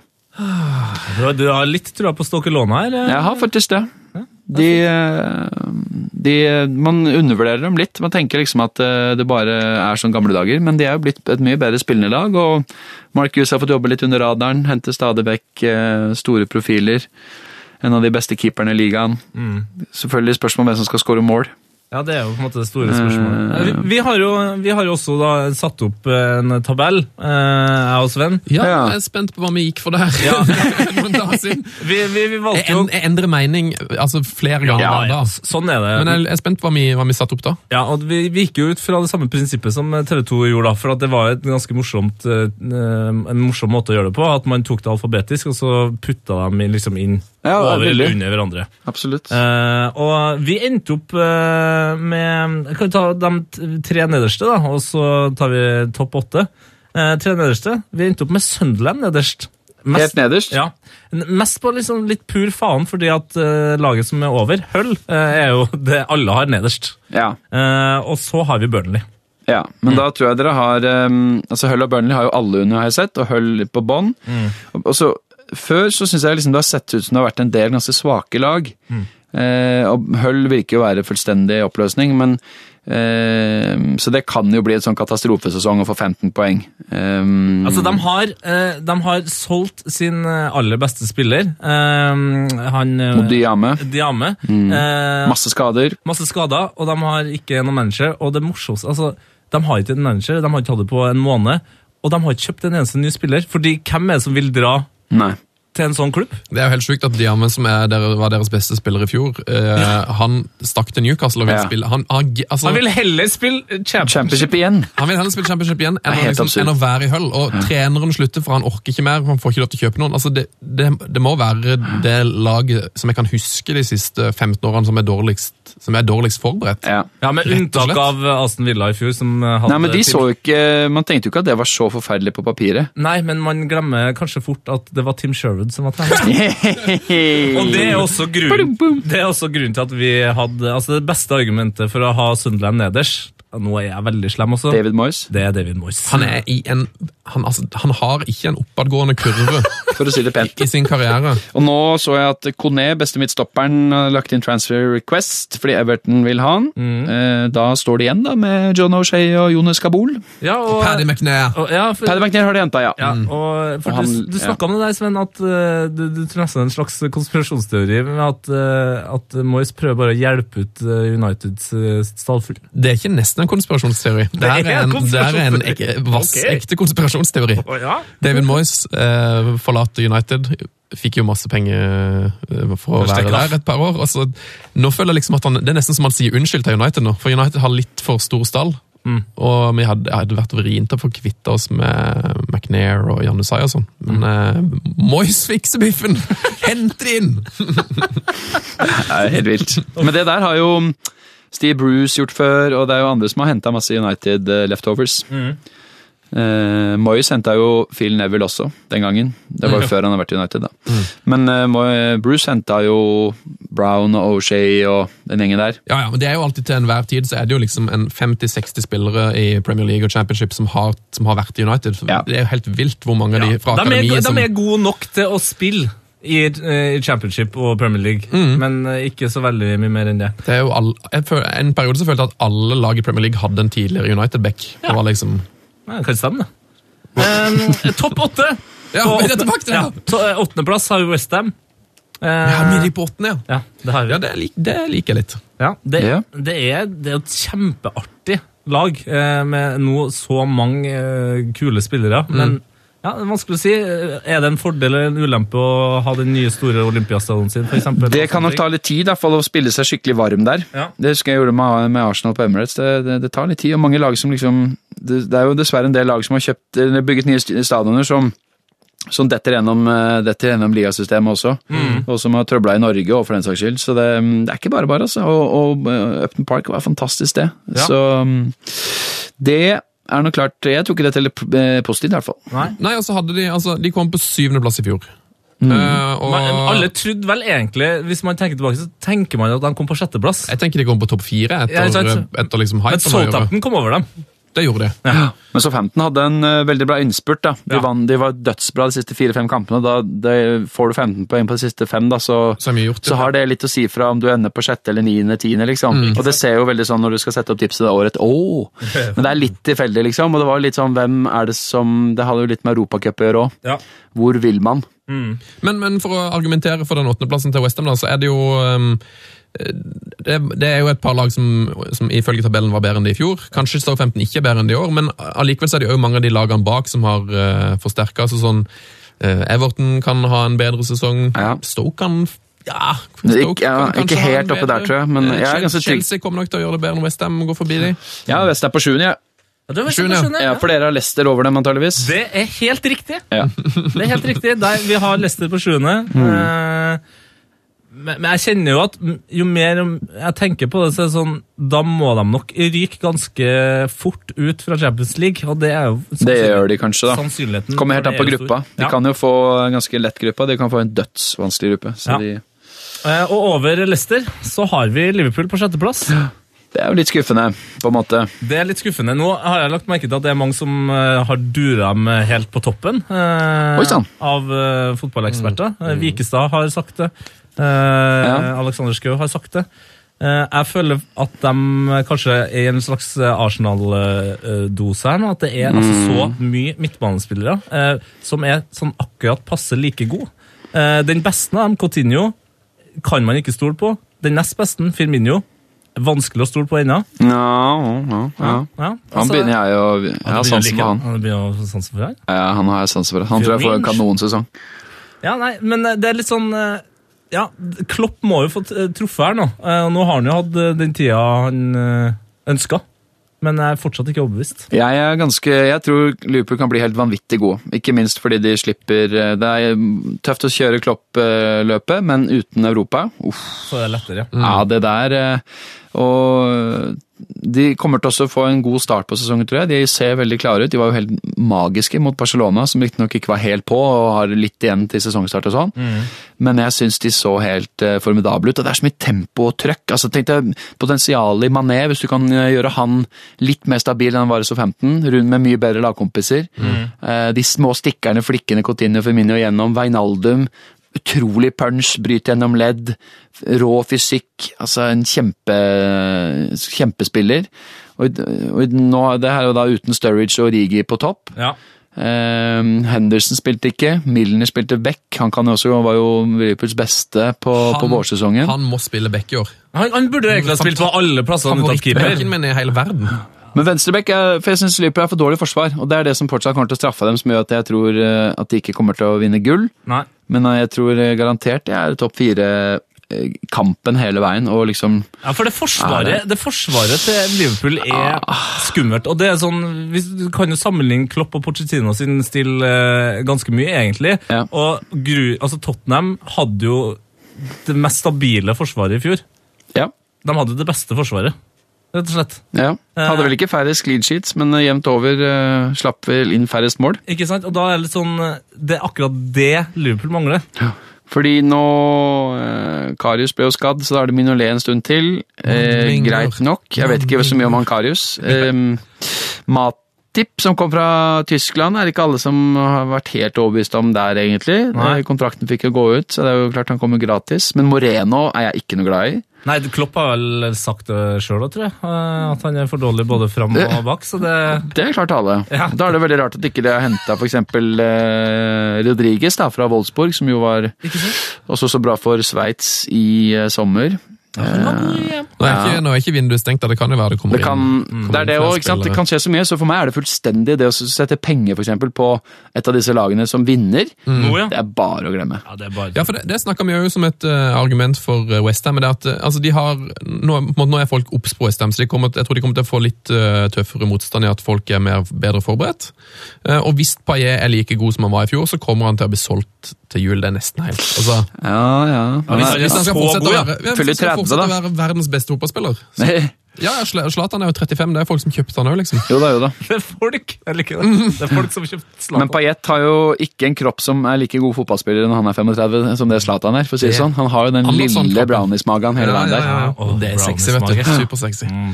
Så, Um, ja, mm, mm. Men André Ajev er jo en kanonsignering. Ja, Fantastisk signering. Og for oss, eh, det skal, Vi skal snakke mer om fantasy etterpå, men for oss som er glad i fantasy, så er det jo helt fantastico at de fortsatt mener at han er en midtbanespiller. Ja. Mm, ja, ja. Mm. Men det er nok Han kommer jo Altså, Så lenge Carroll er frisk og ganske punch i form, Ja. så var jo han veldig bra for Westham i våres. Ikke sant? Mm. Så han kan nok fort hende at fortsetter på topp eh, i hvert fall to tredjedeler av kampene, da, hvis han er høvelig skadefri. Og så jakter de jo tydeligvis en spiss. Det har jo vært Bakka-rykter hele veien. Jeg vet ikke hva som er siste nytt der, har vel du oversikt til dette, men eh, Ja, Milan ville vil jo eh, dessverre eh, selge Bakka, fordi de, eh, selv om de nå har blitt kjøpt opp av eh, store deler av Kina eh, Både i, i huet og ræva. Altså, det er jo så mange forskjellige her nå eh, som har vært inn. Men eh, så må de selge, eh, og da er Bakka den de kan få mest penger for. En fantastisk eh, spiss. Altså, helt utrolig. Uten han i fjor så hadde Milan eh, ligget på nesten på Da nedrykksplass. hadde de bakka ut av serien. da. Bow, bow. På femteplass, som eh, bakker ut av uh, topp fire. Mm. Jonas, Der har dere Arsenal. Der har vi Arsenal. Ja, jeg tenkte det. meg det. Det er veldig mange som har Arsenal på femte i år. Mm. På grunn av hvordan det ser ut nå. Og Det er ikke noe vanskelig å forstå det. Men så er det veldig mange som tipper Arsenal ut av topp fire før, og de har alltid fått seg en på pungen. Ikke sant? Og det er, jo, det er jo enkle ting som at Arsenal kommer alltid over Tottenham, f.eks. Og ja, hvis Wenger nå har innsett at det her er siste, gang, siste, siste sesong, gir han fullstendig bang mot slutten av vinduet og durer på med en spiss. Nei, det skjer ikke noe stor endring der. Nei, aldri i verden. Men eh, Mustafi er på vei inn. Det kan se sånn ut. Men Valencia sitter med gode kort på hånda. da, for å si Ja. det sånn. De veit hvor skadeplaga de er, de veit hvor desperate Arsenal de vet hvor mye penger Arsenal har, de veit hvor kort tid det er til sesongen. Herregud. Det er klart at Den prisen der er jo dobbelt så mye som den kanskje var i juni. Ja. Nei, ikke- ikke dobbelt så mye, da, men sånn som markedet også har utvikla seg gjennom sommeren, så ser jo alle bare å herregud, britene går amok gang etter gang etter gang. Vi slenger på 15 millioner euro til. Hadde Arsenal vært framme i skoa og prøvd å kjøpe han før EM, så tipper jeg at eh, det har vært muligheter for å få den på plass og spart en 10-12-15 millioner euro. Dette veit jo ikke jeg er sikkert Eh, men alt hvordan dette fungerer, men det sier seg sjøl at de har kjempekort på hånda nå. De har ikke noe stress med å selge den, og de har jo solgt, de solgte jo Tamendi i fjor. Eh, og De to var jo gode sammen. eh, og, de, og Han erstatteren til Otamendi, husker jeg ikke hva heter, han har visst ikke vært så bra, og Valencia har jo slitt defensivt. Så å selge han er jo ikke noe gøy for dem heller. De vil jo gjerne ha han. Ikke sant? Så, eh, men det er litt gøy å tenke på at han var eh, eh, Youth Academy stallfyll hos Everton. Mustafi? Ja, Oi, Det var han. ja da. De har hatt sine, de. Materazzi et sesong der, og Ja, Det, er, eh, det er jo lenge siden Materazzi var der. Det er ikke så lenge siden Mustafi var der. Men det er jo den nye trenden å hente hjem spillere som man da fostrer opp sjøl. ja. Er, Men du som United-mann, er det liksom noe kvale med at man har brukt så mye penger på en spiller som man dytta ut døra for tre år siden? jeg tror det er mye eh, Fire år siden. Jeg tror det er mye irritasjon, men eh, jeg har ikke enda møtt noen som ja, ja, ja, som liksom syns at uh, Du har, du har ikke møtt Paul Scholes? Det det Som mener at man burde droppa hele dealen, liksom. Men det, er- det er klart det er mye penger. Ja. Men, jeg, men jeg, har- det er egentlig mitt spørsmål til det. Er, er det for dyrt? Nei, Men altså, sånn- det var mye, jeg vet ikke, Nå har det rapportert mye forskjellig, men det jeg leste var BBC var vel 92 millioner euro. Ikke- er det ikke mer, da? Er det ikke mm, det, har, det har blitt rapportert rundt 100, et sted mellom 90 og 100. Ja, jeg trodde det var 90, rundt 90 millioner pund, ja. og så var det godt over 100 millioner euro. Ja, det er ikke sant. Det er godt mulig. Men uansett, eh, det jeg er mest interessert i, er hvordan eh, Mourinho har tenkt å stable det der. For Skal han spille 4-2-3-1 med Pogba som én av to sittende, så blir det sånn som Deschamps delvis gjorde med det, han i Frankrike. Nei, det blir det ikke. Det blir 4-3-3. Nei, men, men det som jeg tror altså, Jeg, jeg bare syns det sterkeste argumentet for at Pogba kommer til å fungere under uh, Mourinho, er jo at han, han kan jo bare bruke han sånn som han brukte Lampard i Chelsea. I fire, ja, men det var jo en 4-3-3. nei, var ikke det 4-2-3-1, da? Nei, ofte 4-3-3, i hvert fall med Makel, i starten her med Makelele dypt. Ja, de siste årene, da. Lampard SCN ved siden av seg. Mm. Og så hadde de kanter eh, og en sterk spiss. Men Og det var sånn Pogba også spilte. Ja, men eh, jeg mener at det beste United kan gjøre nå, er å nettopp, som du sier, spille en slags 4-3-3 med eh, for eksempel Schneiderlin eller Carrick dypest, og så Pogba i den venstre indreløperrollen, og Herrera eksempel i den andre. Ja. Og så har du Mkhitaryan eller Lingard på høyre, og så har du Martial venstre og Zlatan foran. Det Det, betyr jo det er Wayne ut. Det er kommer den store Det er det som ikke kommer til å skje. Men, men du kan ikke la Pogba få frie tøyler offensivt hvis du skal ha Rooney den tieren og Zlatan foran der. Da blir det kanskje litt for mye ansvar på Schneiderlin får uh, Schneiderlin? Schneiderlin får lov til å ligge der uh, alene Jo, men Én ting er bakover, men problemet blir jo framover. Én ting man vet om Zlatan, er at han, sånn som i Charity Shield-kampen, Mm. han kan godt bruke 60 minutter på midtbanen. Altså, Det, det gir han Ja, fullstendig beng. Jeg syns ikke han har sett så bra ut, ass. Ja, men Han kan godt tusle rundt der. Men da blir det bare tungt at da er det iallfall plass til Pogba framover. Nei, men det, det betyr ikke at han kommer til å jobbe defensivt. Han kommer til å gå ned for å prøve å hente ball. En annen ting vi vet om Rooney, er at han er akkurat den samme spillertypen. Mm. At han òg vil ned der og surre. Og da har du plutselig tre spillere da, som skal ned og surre med ball. Ja, det, og Det er et stort problem. Det er et kjempeproblem, men jeg tror, derfor tror jeg jo altså, mye av nøkkelen for United er jo de spillerne som Pogba og Lingard, som selv om ikke jeg synes han kanskje er den kvalitativt beste, så er han kanskje en av de viktigste i laget, i og med at han er en fyr som jobber hardt og ikke har så mye ball. og gjør det- Gjennombruddssissy. Ja, sånn, du kan ikke ha jeg skjønner jo at du kan ikke ha eh, Carrick og Rooney og Zlatan som ikke beveger seg. Jo, men det er jo, det, det er jo sånn det så ut mot Leicester. Ja, og det, ikke, det ser jo ikke helt bra ut. Nei, det gjør ikke det. Og jeg, jeg mener at det er veldig vanskelig å se for seg at du kan bruke Rooney og Zlatan, og det er det beste United kan få ut av det offensive arsenalet sitt. Fordi det er for stillestående og for treigt og for likt på mange måter, selv om selvfølgelig Zlatan jo da skal inn i boksen og gjøre som han gjorde mot eh, West Morgan. Og det kommer han jo garantert til å gjøre. Og Rooney kan ligge bak der for så vidt og falle plukke opp litt frukt, og, og det, det. Altså kan, det kan nok funke til en viss grad, men jeg tror ikke United får maks ut av potensialet til den elveren de har, hvis de velger å gjøre det sånn. Nei, det, Rooney er problemet. Han er det, og På alle, uansett hvordan du Og det- og det. han har jo vært i steady decline lenge, uten Ja. at noen har turt å ta tak i det. Og Det er jo det som er spennende med Mourinho, fordi eh, han har jo eh, tidligere visst at han liker Rooney på et eller annet vis. Eh, Han har prøvd å få den til Chelsea osv. Men, men så er det jo Nå har han liksom Han slet så mye med den spillergruppa i Chelsea. Og så kommer han til United, som var egentlig litt skeptisk til å hente den først. Virka det som, da. Ja, fordi- Kjempeinterne stridigheter. Ikke sant? Fordi han er veldig god på å lage trøbbel. Og så skal det første han gjør da, etter tre-fire uker det her ikke fungerer, er å, å pole kapteinen ut. Det er heftig avgjørelse, selv for Det- Mourinho. ja. Mourinho har press på seg, han. Det er Som du sier, gått ut knallhardt, skal vinne tittelen. Eh, endelig fått overtatt United. Han ville jo egentlig til United, sånn som jeg skjønte det i hvert fall. Eh, allerede den gangen eh, i 2013, for å overta etter Ferguson. Så ble det jo Chelsea istedenfor. Um, nei, jeg eh, Jeg syns det der virker veldig interessant, hvordan det løses. Mkhitaryan også stussa litt over. Hvorfor kommer han inn i det 91. minutt liksom, i Community Shield? Hva greia der? Skal ikke han Det var jo bare en rein diss av Mata for å trykke han ned i søla, sånn som jeg tolker det. Jo, men for alle dager er ikke Mkhitaryan eh, Klar? Hvorfor får ikke ha 45 minutter, en halvtime minimum, i den kampen der? Kanskje fordi han skal starte mot Bournemouth, da. Nei, men Han starter starta jo med elveren sin. Han starta med det laget Det er jo én uke før seriestart. Ja, han har ikke, men han har ikke vært, uh, Mkhitaryan har ikke vært helt fantastisk i preseason. Eh, Han Nei. brukte litt tid på å spille sin i Bournemouth. Eh, Det er jo Spilte ekstremt seg inn i Bournemouth. ja. Nei, i, i Dortmund. Det er jo, men det er jo veldig mange Det kan godt være at både Mkhitaryan og Pogba begynner på benken i første kampen. Det hadde ikke overraska meg. Eh, Nei, det ser det er jo jo ganske vanlig når du kommer til en ny klubb, at, eh, Ja. at treneren, treneren har en, Det er veldig mange trenere som har det prinsippet med at du skal fortjene en plass på laget. så egentlig bare, Selv om alle vet at Pogba kommer til å få spille i løpet av de Han Ja. må fast fra kamp fem. Men, jo, men det er litt annerledes. Pogba kom eh, denne uka her, Mm. eh, og like før sesongstart. og Om han ikke er i troppen engang, så overrasker ikke det meg. Eh, jo, jo, men det, det er samme Men- med Mkhitaryan. det han har jo vært der i uke, mange mange uker, hatt Ja, hele ja. preseason og spilt masse og hadde en kongesesong i fjor. Spilte ikke EM. Det er jo ingen grunn til at han ikke skal være matchfit og klar til å starte. Han ikke- starter man jo med, for eksempel.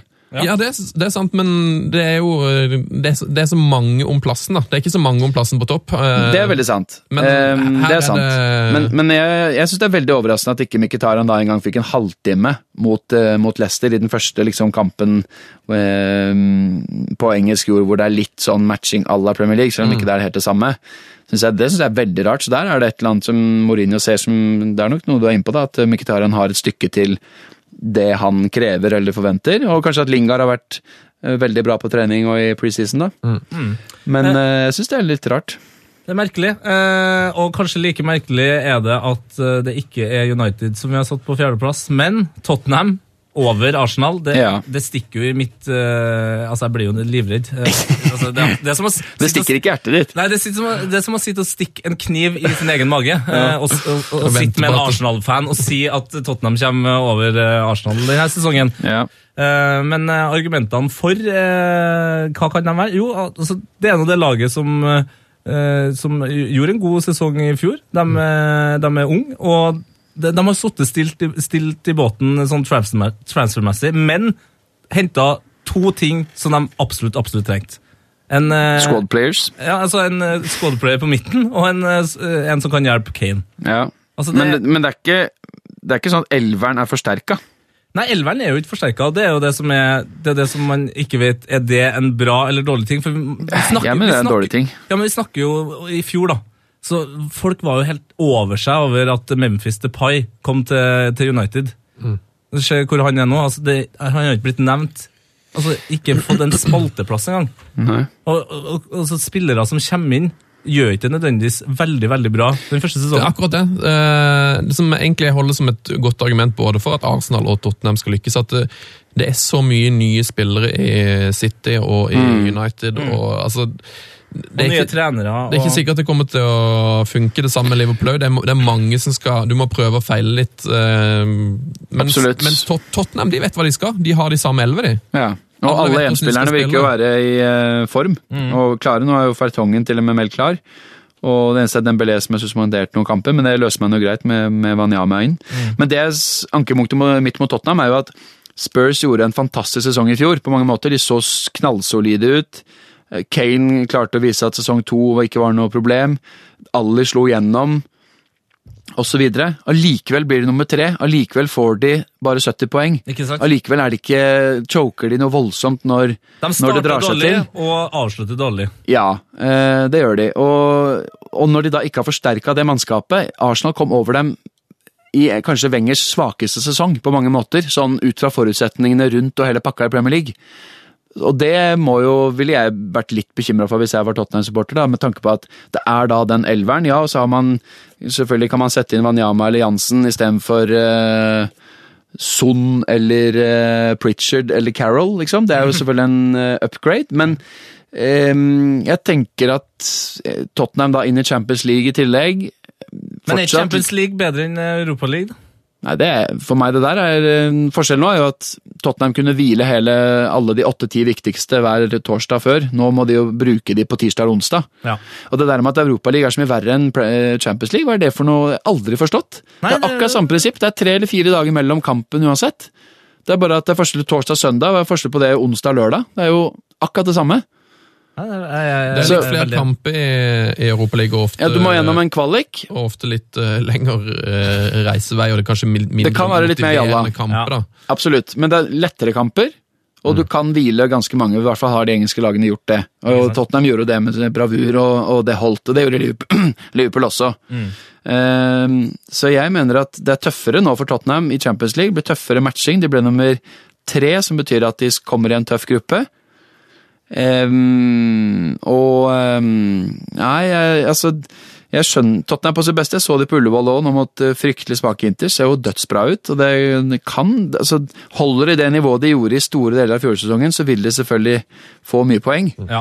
Men eh, jeg tror at eh, Tottenham eh, kommer til å få det ganske, ganske tøft, jeg, altså. Jeg tror det går dritbra. Eh, Vi må ta de siste, vi må bare ta toppen av tabellen, for vi må videre til ukas drømmelag. Men vi kan jo gå gjennom tabellen til slutt. Ja. Flyr. Ja, det er da altså på tredjeplass eh, City og andreplass Chelsea. Og av en merkelig grunn så er United, selv etter den her praten vi hadde, eh, øverst. Ja. Eh, Nei, det var jo før vi hadde denne praten. Jo, jo, men, men allikevel. Vi hadde jo vært inne på mange av argumentene når vi satte opp denne tabellen nå. Jeg synes det er veldig fint at vi endte på det, for det, er jo helt uforklarlig i hodet mitt nå. Hva jeg tenkte for fire dager siden. Og det sier vel litt Det er jo, det er Det er en helt poenget umulig poeng. Nei, en helt umulig sesong. Altså, jeg, hvis United nå får eh, begynne å slite, eh, det blir sur stemning, Rooney blir et problem, og folk snur seg ah, Det kan bli stygt, vet du. Det kan bli så stygt. Ah. Uh, eh, ja, hva, hva, er dine, hva er ditt tabelltips, Jonas? Jeg har United på toppen, jeg òg. Du har det, du òg, ja? Ja. Du har det, ja? Absolutt, fordi fundamentet er så solid.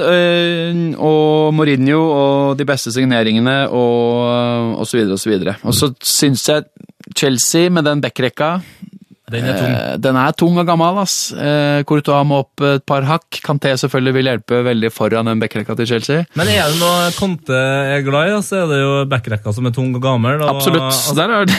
altså, ja, men, det, men det er jo det som er, det er, jo det som er funny med han. Altså, han har jo egentlig tatt over et lag som for han passer en perfekt. Altså, eh, Hvis han vil, så kan han bruke Cuadrado som, eh, som en slags wingback. ikke sant? Mm. Så det er storkosa med han. Det blir topp derfra. Eh, altså, Ja. det, det som, for å sette et bilde på det, det Conte har fått nå, er en litt sånn gammel, sliten Ferrari som han kan sitte og mekke på. Og hvis han får sving på den, du, da Ja da, og Hazard, men det fordrer at Hazar kommer opp eh, flere hakk. Ja. Veldig spent på hva som skjer på spissplass der. Eh, er de gira på enda en spiss i tillegg til Bachoui, og hva er greia med Costa? Han har vi sett ganske bra i preseason ut, visstnok. Høres ut som en film. Hva er greia med Costa? ja. Nei, så det, jeg synes det er mange spørsmålstegn ved City og Chelsea foreløpig. Jeg syns eh, Tottenham mangler et knepp. Jeg syns Arsenal ser jo helt i eh, Kan jo ligge åtte poeng bak etter fire runder. Eh, jeg føler at United er det laget som Og Mourinho har jo kjempelett kampprogram i starten nå, vet du. Ja, det har han. Han Ja, Spurs.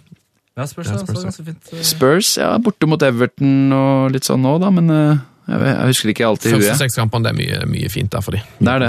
Okay. Eh, vi ruller videre. P3s Heia fotball. Heia fotball. Med Tete Lidbom og Sven Biskår Sunde. Enn at vi allerede har snakka en time. Det er helt sjukt. Har vi det? Det er helt sjukt. Herregud. Tida flyr, vet du. Ja. Vi har fortsatt litt tid, da. Vi har en eh, god halvtime igjen, eh, men vi skal innom ukas drømmelag. Vi skal innom litt breddefotball, og så er det vel en glory hall som skal serveres her. Um, ukas drømmelag, eh, da skal vi til en av dine favoritthobby, Jonas, skal vi ikke det? Ja! Som også var kilde til Uh, at jeg gikk inn i en sånn vinterdepresjon i fjor. Å, Fantasy. Fantasy, Ja. football. Ja da, Det er deilig, vet du. det er det. Det er sinnssykt deilig. Um, jeg, vi kan jo prøve Jeg regner med det, du skal servere et lag med uh, dine fanstips, er det ikke mer eller mindre? Jo, jeg skal eller? faktisk legge kuken på blokka og eh, annonsere hva jeg tror jeg kommer til å ende opp med. Da. Jeg har ikke lagt landa enda på lag uh, helt, men sånn som det ser ut PT, i hvert fall. oh, jeg Jeg kan si at vi har en fantasy-liga hvor det snart er 2000 medlemmer. Eh, Det er sterkt. Der kommer det til å komme premie til vinner til jul og til sommer, tenker jeg. Ja. Jeg er ikke helt sikker på hva det blir, men jeg tipper noe sånt i, um, i retning av en drakt eller en DAB-radio eller en uh, Heia Fotball-T-skjorte eller noe sånt. Ja, Og kanskje begge deler og alle tre. Ja, Men også er er jeg helt sikker på at den som havner på 69.-plass uh, til sommeren, Mm. uh, mest sannsynlig stikker av den råeste prisen. Uh. Hvis du sitter på telefonen din nå, så kan du logge inn på Fantasy og legge deg inn i vår liga. Koden er 681061, bindestrek 188886. Dette er det mange som sitter i. Ja. eller gå inn på vår Facebook og se på banneren der. Det er mye bedre det, men du kan trykke tilbake nå, spole tilbake 50 sekunder, så kan du høre det igjen. 681061, bindestrek 1888, 86. Det er ikke så vrient. Ikke så vrient. Hva er drømmelaget ditt, eh, Jonas? Oh. Oh. er, er det noen City-spillere her? For vi har ikke snakka om City i det hele tatt. Nei, vi har ikke det. Um, PT så har jeg Stones inne. Ja. Okay. Litt fordi han koster fem, og jo er henta inn av en grunn, selvfølgelig, for å rydde opp i det forsvaret der. Da begynner vi i mål. Men um, i mål så har jeg eh, Jakupovic på benken, Hull-keeperen. Ja, Og akkurat nå så har jeg Tim Heaton, nei Tom Heaton som den billigste og beste, eller beste av de 4,5 mill.-kandidatene. Så du går for billigkeeper? Jeg gjør kanskje det, men jeg har ikke bestemt meg helt. Jeg har veldig lyst på De Gea, egentlig. Han er der selv. For han syns jeg er den beste av 5,5-gutta. Ja. Eh, Men i 4-5 så er det en del bra alternativer i Mandana, Valdez, Ben Foster, Tom Heaton. Så man kan gå for den løsningen. Og Heaton, kanonmann for sist Burnley var oppe. Mm. Fikk nest mest poeng da. Jækla mye save points. Burnley er gjerrige, særlig på hjemmebane, men det er selvfølgelig skummelt når du da må ha han i mål på borte mot City og United og Arsenal og Liverpool og alt det, så det er ikke sikkert det ender opp på det. Han har jo selvfølgelig en fortid i Manchester United, Tom Heaton. Det må vi aldri glemme. Det må vi aldri glemme. Sånn som 80-100 andre spillere i Premier League. Ja da. um, men det er nå sånn, fordi det, alt er jo avveininger her. I forsvar så har jeg i eh, United-dekning må man ha. PT har jeg Valencia. Fordi han har sett så vanvittig bra ut i preseason. Shaw er kanskje et enda tryggere valg, og valgt av flere. Vi får se. Begge tror jeg kommer til å ha veldig bra sesonger. Aspilcoetta eh, har jeg inne. Bonusmagnet, og vil jo tro at Conte klarer å rydde opp. Conte og Canté klarer å rydde opp for Cale og Terris og Ivanovic. Aldrende, tunge kropper. Ikke sant? Og så har jeg eh, Rob Friend, offensive venstrebekken til Middlesbrough, som slipper inn null mål på hjemmebane, omtrent. Ja, det, det er kanskje det laget som gjør det best. opp, eller? Spennende, spennende hjemmepick, ja, definitivt. Det tror jeg i hvert fall. Ja, og de har jo han, er billig i forsterka. drift òg. 4,5. Og så har jeg um, han uh, Amat på Swansea, som bare koster fire. Og antageligvis kommer til å spille nå, i og med at Williams er solgt. Og så har, men han er jo ytterst på benken, da, med mindre han skulle Swansea er jo egentlig et flott lag å ha forsvarsspillere fra. Ja. Så Eh, fordi jeg tipper at Guido kommer til å fortsette med en strang, stram struktur der. Så han kan jo være et gullkjøp til 4-0 hvis han får spille. De har jo kjøpt inn en stopper, han van der Horn. Og så har de Fernandez, så det er jo litt kamp om plassene der. Så det er ikke bankers at den starter. Så har de en veldig god keeper med Det er det også. Arsenal-fortid. Fortid. Eh, men eh, de der 5,0-keeperne har jeg ikke noe trua på. Jeg kjører enten 1 til 5,5 eller 1 til 4,5. Enig. Eh, det er det av de jeg har lyst på, som jeg, jeg er ikke sikker på at jeg kommer til å ende opp med Stones. Jeg har eksempel veldig lyst på Baines, som er billig prisa, eller en Tottenham-forsvarer burde man egentlig ha på plass. Kanskje til og med doble på United. Det er liksom de valgene man Så Palace har lett program. Nei, i det hele tatt. Mange muligheter. Men så er det midtbanen, da. Herregud, det er men så der vanskelig. midtbanen. Det er så vanskelig, altså. I starten så jeg, satte jeg opp De Bruyne, Mkhitaryan, Hazard og to billige. Ja. Tenkte yes. Mkhitaryan kan man jo ikke ha nå, han er jo ikke sikkert starter engang. Og De Bruyne har jo så vidt spilt preseason, og Det er dyr, ass. han er veldig dyr og presterte dårlig på bortebane i fjor. City har litt igjen til liksom å vise hvor de skal. Ja, ut med han. Da blir det inn med Hazard, beholder jeg. Selv om jeg hadde egentlig Fabregas en god stund også. Ja. For han eh, tenker jeg 7,5, men nå er plutselig han også usikker. Oscar starta jo foran han sist. Eh, så da er det Hazard, og så har jeg Firminio. Ja. Måtte, må ha Liverpool-dekning. Han syns jeg ser eh, helt outstanding ut. Og han skal vel også kanskje spille spiss. Det kan se slik ut. Men der har du også en drøss å velge fra. da. Du Ja. kunne hatt en midtbane bare eh, Liverpool-spillere, egentlig. Ja. Mané, Wijnaldum, eh, Coutinho, Firmino og for eksempel Henderson. Mm. Eh, men det skal man ikke ha. Man kan bare ha tre for hvert lag også, det glemte jeg. Um, og så i tillegg, ja, Et spørsmål, er det, er det lurt å ha tre fra ett lag? ikke starten, men jeg, jeg, jeg er veldig fan av å spre risiko. I starten, ja. Ja, Da er det særlig i lettere å bytte, bytte når du begynner å se Fordi hvis du, hvis du stiller med tre fra ett lag, da, og plutselig så er han ene ikke prestert i det hele tatt, og en er skada, og du har lyst på andre fra det laget som er i andre lagdeler, så har du en kjempekabal for å få det til å gå opp. Ja. Så um, Spre risikoen med å ha to fra hvert lag. Ja, jeg har Max. stort sett én fra hvert lag, og så har jeg to fra et par stykker. Hvis du, skulle, hvis du måtte valgt et lag å ha tre fra, hvilket lag er du mest sikker på at kommer til å levere i begynnelsen? United. Manchester United. Fordi der kan du ha to defensive, og så kan du ha én eh, framme. Ja.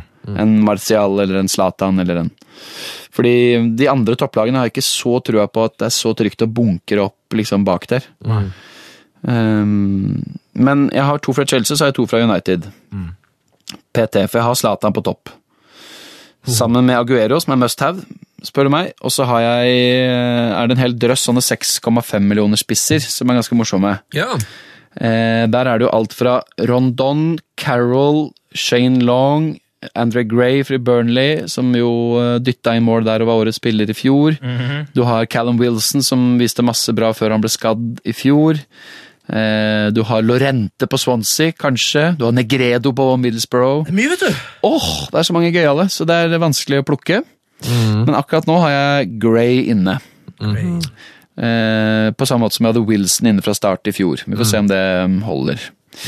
Og så glemte jeg vel et par midtbanespillere, litt Ja. benkefyll. Jeg har eh, Pierre Emil Høibjerg som sitter på benken, og så har jeg han Fegoli i Westham, som også er veldig billig. Han tror jeg er et superpick, så lenge Ja. han ikke blir benka nå som Ja, han gjør inn, for han har spilt uh, mye. og Ja, vært god i preseason, Ja. og jeg tipper at uh, han får starte nå både med Payet, Ayev og Carroll i den første kampen, og så Koyate og Noble bak, tipper Ja. jeg.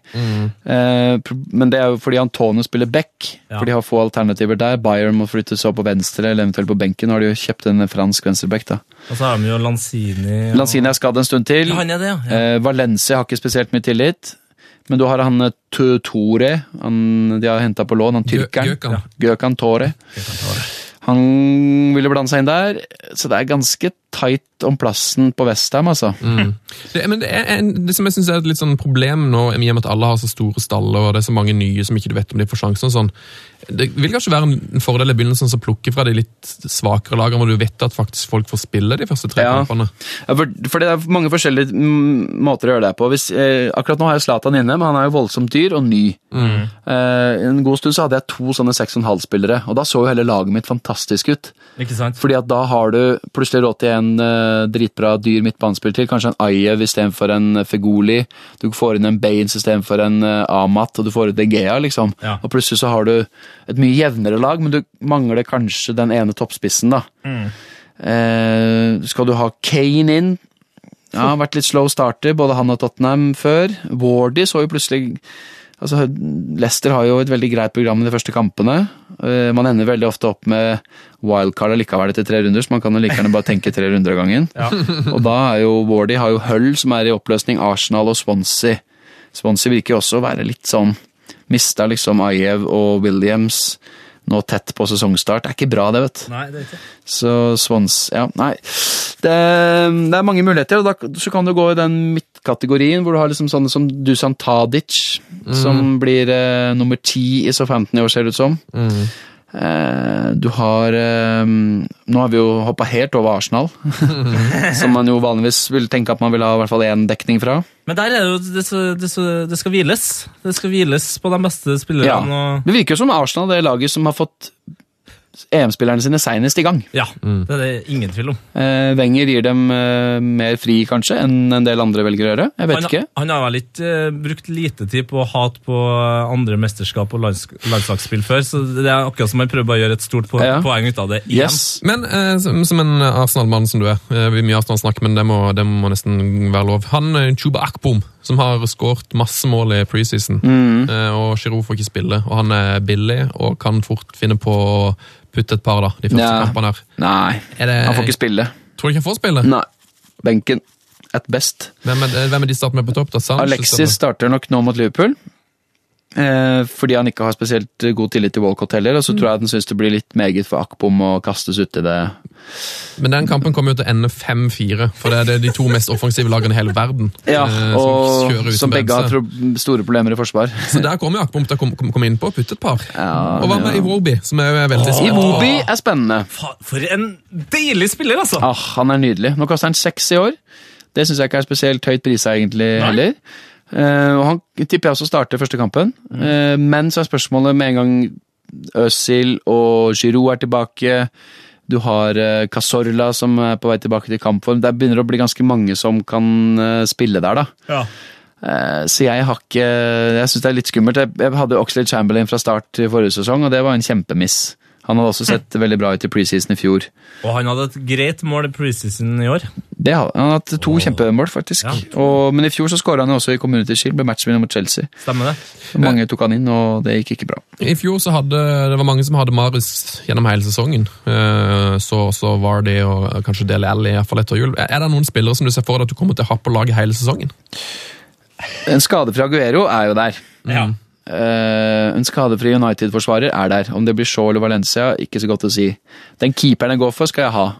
Ja, det er sant. Um, tror jeg da, Hvis ikke Bernie slipper inn fire mål i hver kamp, så kan man ikke holde på med det.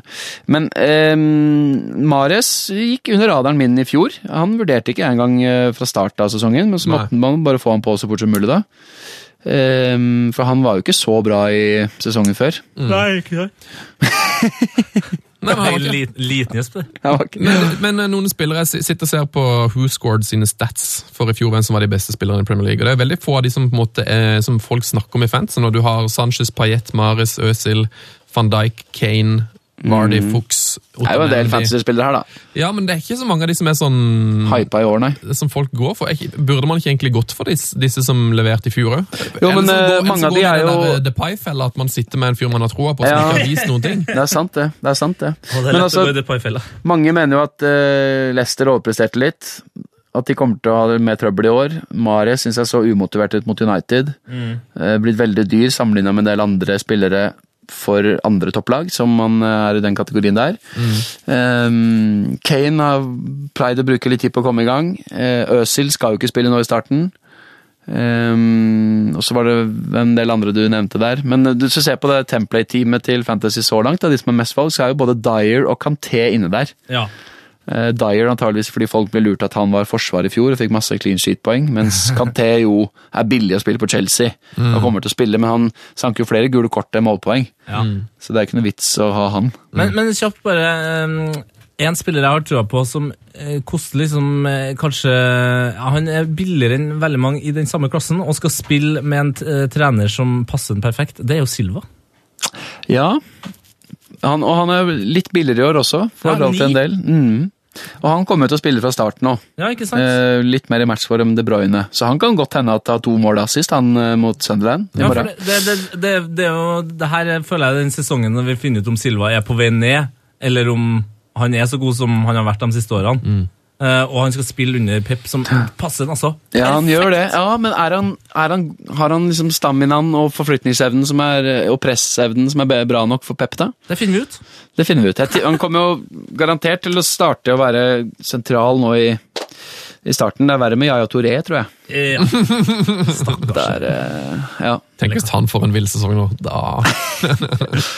Mine damer og herrer, det var et eh, deilig lag eh, servert Jonas Berg Johnsen. Mye gode fancy tips. Minne gjennom ligaen vår. Du finner den hvis du går inn på Facebooken vår. Der ligger koden, så skal jeg ikke lese den opp.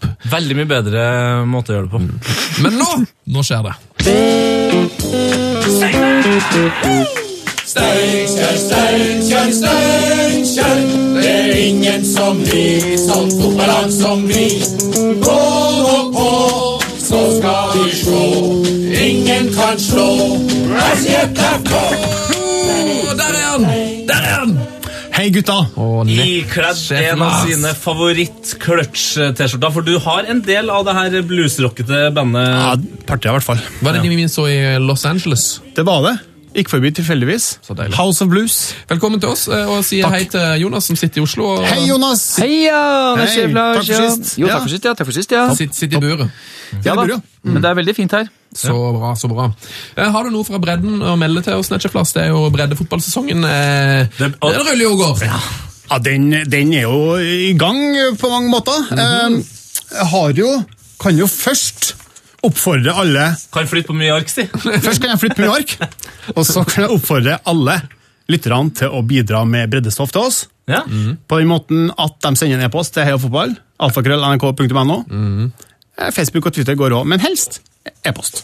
Yes, For da kan jeg lese opp de artige tingene. Ja, det er veldig bra. Nå som vi skal bli radioprogram òg, så, så kommer vi til å trenge mye mer uh, innspill fra dere som hører på. Så send oss gjerne brevet og ting på Facebook som dere syns er gøy. Så kan vi, kan vi enten ta det med i podden, eller ta det med på radioprogrammet. Vi har f.eks.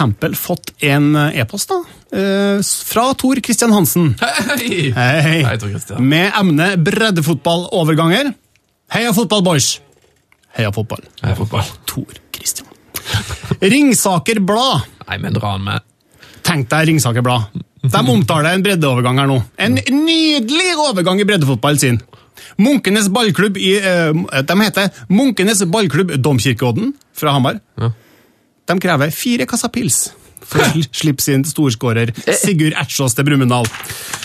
Ertsås, ja. Det er jo gammelt uh, spissnavn, det er det ikke det? Ja, det er Rune Ertsås, uh, Steinkjer-spissen. Ja, hvis ikke Molde, Sandefjord Molde, ja, videre. Riktig. Tredjedivisjons beste spiller, kanskje. Utvilsomt. Han sier på Twitter her da, eh, Domkirkeodden lar ikke Ertsås gå gratis til Dala, altså, fordi de sier følgende Stjernespiss Ertsås til Dala, ikke før 96 duggfriske står på trammen, og ikke noe skvip! Nei. Skal ha ordentlig øl. Men 96 Brus. øl, er det litt lite hvis du Jeg vil regne med at de tenker at laget skal få lov til å drikke øl? Er man, eh, hvor mange er man i en breddestall? Nei, det er vel en 15-20 mann, da. Ja, 20 i hvert fall er man nok, altså. fem kjappe til hver, det. Ja. Det er mer enn nok i pausen, tenker jeg.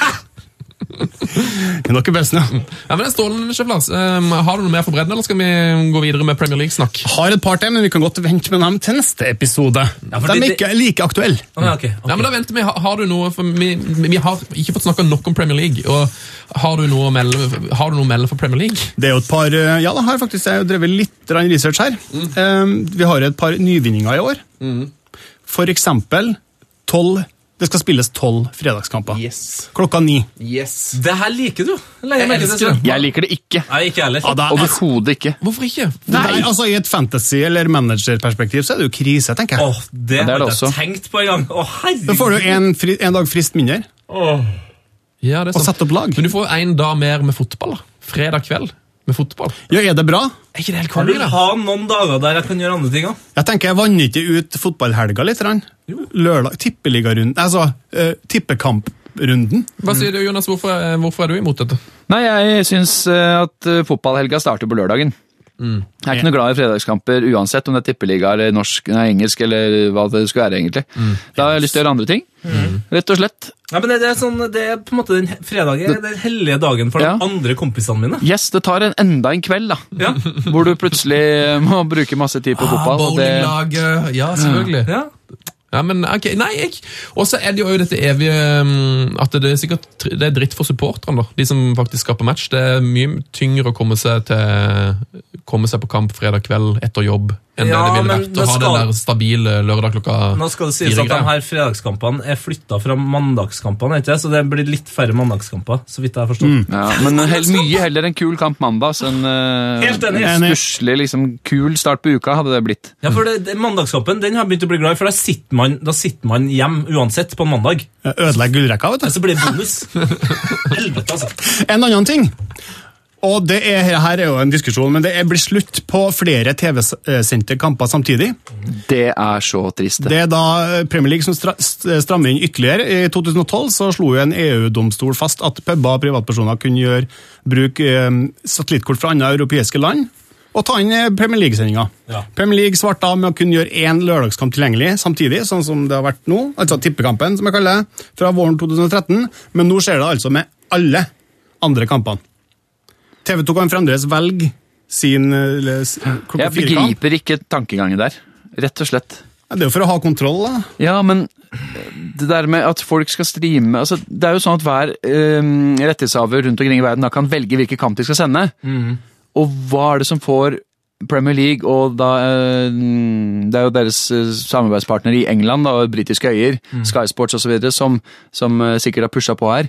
Men, men da kan du jo sitte Du kan streame svensk TV hvis du vil se den ene kampen som svensk vi har satt velger. Så kan du se, streame norsk TV og se TV2. Du kan jo streame hva du vil nå. Ja, det, høres Og- som, det høres ut som det er Lars Ulrik som har fått eh, jobb her. ja, Ja, men det, det, jo, det jobber jo mot alt som er av fornuft. Ja, jeg, jeg begriper ikke hvordan det her skal hjelpe på altså det, det handler jo om verdien til Premier Leagues avtale i, i England, det her. Eh, men, men jeg skjønner ikke hva slags konkurranse dette her uansett er. Eh, nei, jeg har veldig vanskelig å forstå det. Men det er, til syvende og sist handler det bare om å skvise kroner, da. Dessverre. Og det er jo TV 2 taper på det, og TV 2-abonnentene taper på det, og det er jo kjipt for alle oss eh, som er glad i å ha så mye valgfrihet som mulig da, når vi skal se kamper. Men er vel noe av tanken i England at de vil at flere skal gå på kamp, sånn at han slipper å få se tomme tribuner? Er det å... Har de hatt et problem med det? Ja, de det er jo ikke alle stadioner som er fulle hele tida. Ja, men I forhold til alle andre land da, har Premier League et problem med tomme stadioner. Tyskland, kanskje. Nei da, nei da, de har kanskje ikke det. Men det er vel kanskje det føre var, eller eh, Jeg tror ikke det er argumentet her denne gangen. Nei, og det, det er bare, De går imot det, hvordan verden utvikler seg Det er argument- alle andre plasser. da. Ja. Okay, men da tar vi en, eh, men, men vi prøver på en gøy måte nå. Hvem rundt bordet kunne tenkt seg å bare si opp eh, Premier League-abonnementet sitt og boikotte å se Premier League i år av dette? Det har skjedd på vipbox.tk isteden. Ja, ingen. Nei, altså, jeg kan godt takers. betale mer, òg, jeg. Hvis, hvis pengene ikke går til en eh, oligark eller en emirat, men går, filtreres nedover til bredden, Ja! sant? da kan jeg godt betale pengene der, men det er det det ikke gjør, nemlig. En million til Laksdal IL! Få det på. Tvert. Nei, men det er som Simen Stamse Møller sa det på den uh, build-upen til TV 2, at eh, Sats har gått fra 300 til 700 kroner. Litt sånn umerkelig i løpet av en eh, sju-åtte år. Og det er ingen som har eh, hysterisk klaga på det. Nei. Det sånn- Kronisen. Ja, Kronisen koster Koster ikke en krone lenger. 30 kroner. Så i forhold til veldig mye annet jeg bruker penger på her i livet, så er jo Premier League-investeringen egentlig noe av det mm, enkleste å gjøre. Ja, Fordi ja, ja, ja. ut på byen, en kveld på byen. Du kommer jo ikke hjem uten å ha brukt under 500 kroner. Nei, og det er jo, ikke sant eh, Nå, Når man har Zoom-abonnement, da, så sitter man litt oftere hjem og ser kampen. Ja. Eh, når man ser kamp på, eh, på pub, Oh. hvor mye penger er det du bruker da? Ja, det, Det går mye penger på brus. Du, Vet du hva en brus koster på byen nå, eller? 45. Ja. Insane! Det er så mye billigere å lage sin egen brus, det. ja, det er helt, det er helt ellevilt. Nei, Så, men det, det er synd, da. Men det, det TV 2 eh, kanskje har gjort, er vel at de har forsøkt å pakke det her inn så pent de kan, og så har de ikke helt klart det. Ja, litt. Fordi folk blir forbanna når det blir dyrere for et dårligere tilbud. Og det er forståelig. Men så har jo også da prisen økt med 130% eller noe sånt, hva de har betalt. Så det, det er jo det også, ikke sant? Ja. Men så har de jo lovt ut Tippeliga, Premier League, Championship, Carling Cup og FA Cup også, i samme pakken. Ja. Uh, Tippeligaen mister de nå, fordi den går til Discovery. Jonas. Og til Jonas. Den går til deg. Og Championship er ingen som eier. Ikke ennå, nei. Ikke ennå. Så det er jo liksom Bortsett fra Premier League, så er det jo ingenting igjen. Ut ifra det de lovte når de slo sant. sammen pakken da, og heva prisen. Det er sant. Så det, jeg skjønner jo at folk Har- er frustrert. Har du noen gode nyvinninger med deg? Fordi Har du noen gode nyvinninger? Um, um, meg? Ja. Uh, nei ja, ja, Mané på Liverpool kan Det kan bli en bra nyvinning. Strålende, Kjøp Lars. Eh, Du må få være med oss eh, gjennom slutten her. Eh, Jeg må ha... Vi får, får ikke snakke om nok, altså. Dessverre. Men et par ting jeg lurer på, som vi kan ta rundt bordet nå. Hvem blir toppskårer i Premier League i år? Kun Kun Aguero? ja. Det er Lars. Eh, Jonas. Jeg hadde også tenkt å si det, men da får jeg si noe annet, da. Em, ja, Harry Kane, da. Kane? Ah, jeg hadde også tenkt å si Harry men da kan jo jeg si noe annet. Da sier du noe han som han kan ha tenkt å si. Ja, men da, da sier er jeg. Zlatan, Ja. selvfølgelig. Ja, jeg sier Lukaku. Nei, er du gæren?! I Chelsea, da, si. I Chelsea? Ja, i Chelsea. Ja. Ah, der er De må jo hente en spiss. Der er du iskald. Er vet du. Men øh, det vet vi aldri. Det gøyeste hadde vært hvis det ble Steve Bruce. da. Sånn som, Hvis han gjorde comeback nå som midtstopper og bare ja, det- inn masse mål. Der har du odds. Der har du odds. Det går fint til neste spørsmål. Hvem får, eh, hvilken trener får først sparken? Hvem får først sparken ja, i Premier League? Hmm. Jeg syns det er vanskelig. Uh, Treneren i Hull, uansett hvem det er. ja. Hvem er det? Er det Coleman? Nå er det Mike Feelen inntil videre. ja, det er ikke bestemt. Nei, okay. ok. gigs og Ja, det blir litt sånn at uh, han, han får jobb rett før uh, den her eventuelle treneren, og så blir han pælma ut etter fem uker. liksom.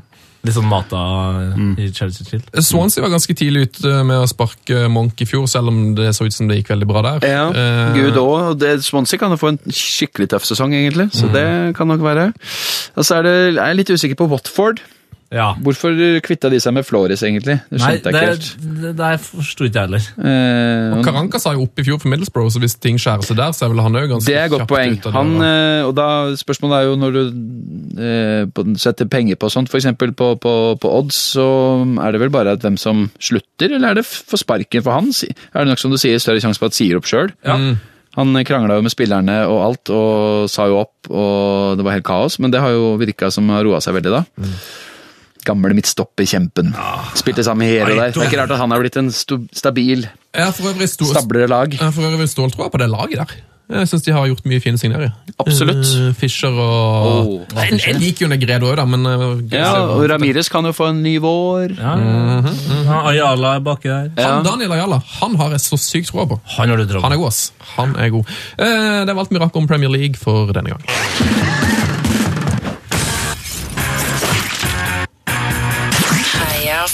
Fotballs glory hall. Åh, det var synd at vi ikke rakk å spørre om uh, hvem som sp skal spille mest uh, kamper av Aguero og Sturridge i sesongen. Hvem tror vi? Aguero. Aguero? Ja. Ja, det, det er easy bet, da, egentlig. Sturridge har jo nesten bare én sesong hvor han har spilt mer enn uh, 1800 minutter. Det. Nå ser jeg Liverpool-supporteren eh, Lars her. Altså, hvor tungt er det at den beste spilleren by far man har, ikke spille. Og at man og da By far? Ja. Ja, det, Ja, Toppnivået hans er jo supert, men og når treneren går ut flere ganger og sier sånn Vi vet ikke helt hva som er galt med ham, og det irriterer meg. Ja, han har bare sagt det én gang, men Men har han, har han et mentalt problem, eller? er ikke godt å si. Han er iallfall ekstremt mye skada. Det er den hippen igjen, da. Hofta. Ja. Ofte. Så der har han hatt trøbbel før. Eh, velkommen til Hoppas Glory Hall. Du kjenner vel godt til dette konseptet, Jonas? Jeg begynner å bli kjent med det. Så hyggelig. vært på do før. si. Hei! Ho! Wow. Jeg har aldri vært på sånn Glory Hall-sted. Så bra! Så bra! I Trondheim så har vi faktisk et fast et. Nei. Jo. Vi. Snakk for deg sjøl. Ja, men jeg er jo fra Trondheim, da! Jeg har hatt mye skriveri om det, faktisk. For de som interesserer, seg for sånt. Oi, oi, oi. Det er nære solsiden, kan jeg si. Spennende. Jeg tror det er stengt nå. Jeg tror det er stengt. Uh, uansett, uh, hvis du skulle hylle uh, Tete, hva er vår glory hall? Bare for å forklare det. Det er en uh, stjerne langt opp i Melkeveiens vakreste. vakreste, der gresset er grønn. Grønnere enn du kunne tro. Det er en hyllestklubb, iallfall. Uh, Hvem er det som er der? Batistuta? Batistuta er der, Ja. Ronaldinho er der, og ikke minst Lloyd Lislevang, eh, Sydens eh, mann. Er, er Batistuta? Batistuta er Så der, bra, så bra. Batigol er Eh. Maldini er der, blant annet. Vi skal sette inn en ny helt nå, men hvem er det du er mest gira på for tida? mm, Jonas, har du et crush fra gamle da? Du har satt inn noen her før. Eller i hvert fall nevnt noen du kunne tenkt deg. Ja, jeg har ikke noen sånn uh, voldsomme følelser, egentlig. Det var jo um, Jeg hørte et veldig ålreit timeslangt eh, kutt fra svensk P2. Her eh, for et par uker tilbake, hvor Kim Kjellstrøm hadde fått lov til å ha én time i radioen. Sommer i P2. Sommer i P2. På P2. Nei, Sommer i P- tvåan. Sommer i P1 heter den podkasten. Ja. er vakkert, Litt av det i som eh, Sommer i tvåan! Sommer i tvåan. Ja. Så Kim Kjellstrøm er din mann? Eh, faktisk denne gangen, fordi ehm, han forteller så utrolig fint, og det er så gøy at eh, en sånn type fyr har fått lov til å si noe, fordi Kulturkanalen P2, som eh, jeg er en del av det huset, arbeidsplassen deres, så tror jeg ikke det har vært så mange sportsprofiler som har gjort det samme. Jeg likte den timen veldig godt, det var utrolig interessant hva han fortalte om alt fra garderobeliv i Russland til ikke minst da hvordan han kom til Arsenal og ble hentet og var skadd, og Wenger bare, jo, fuck it, vi kjører her på allikevel. Og så fortalte han om øyeblikket da han skulle skyte straffesparkkonkurranse i semifinalen mot, uh, mot Wigan. Stemmer det. Eh, som jo på mange måter redda Wengers jobb. Så bare det er jo eh, gir han jo på en måte en slags kultheltestatus. Kim Kjellstrøm. Kim Kjellstrøm, han hadde du ikke sett for deg. Han jeg liker det. Han var like veldig god i Lyon, vet du. Og takk for Det var lyttetipset. Dette skal jeg sjekke ut. Det er veldig bra, så jeg tvitra om det for noen uker siden. Jeg kan retvite det. Nå er det tid for å innlemme en ny helt, eh, og det er en såkalt lytterhål i dag. Tusen takk til alle dere deilige folk som sender oss altså deres hylleste på e-post. Eh, Dagens hyllest kommer fra Jørgen. Hvis jeg eh, ber deg nevne navnet på én midtbaneelegant med storhetstid først i Barcelona og direkte deretter i Real Madrid, men i samme periode akkurat ikke kunne smykke seg med EM-tittel, er det nok mange som får lyst til å skrike ut navnet på en portugisisk kjekkas. Men dette handler ikke om ham. Dette er historien om den litt reserverte artisten, som av legender som Romario, Raúl, Ronald Koeman, Risto Strojkov og allerede antydede Luis Figo nevnes som deres aller beste med- eller motspiller. Av andre idoler som Johan Cruyff, Michel Platini, Pep Guardiola og nåtidens alibier, Iniesta og Messi, kalles han bare verdens beste i sin tid. Som spiller vant han serien i tre land, inkludert fem år på rad i La Liga. I tillegg til dette vant han serievinnercupen i 92.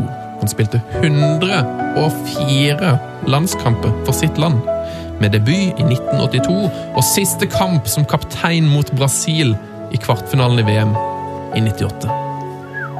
Likevel var han ikke med, da han i sitt livs form valgte å stå utenfor landslaget da de sikret en sensasjonell EM-seier i 1992. Herregud, for frysninger.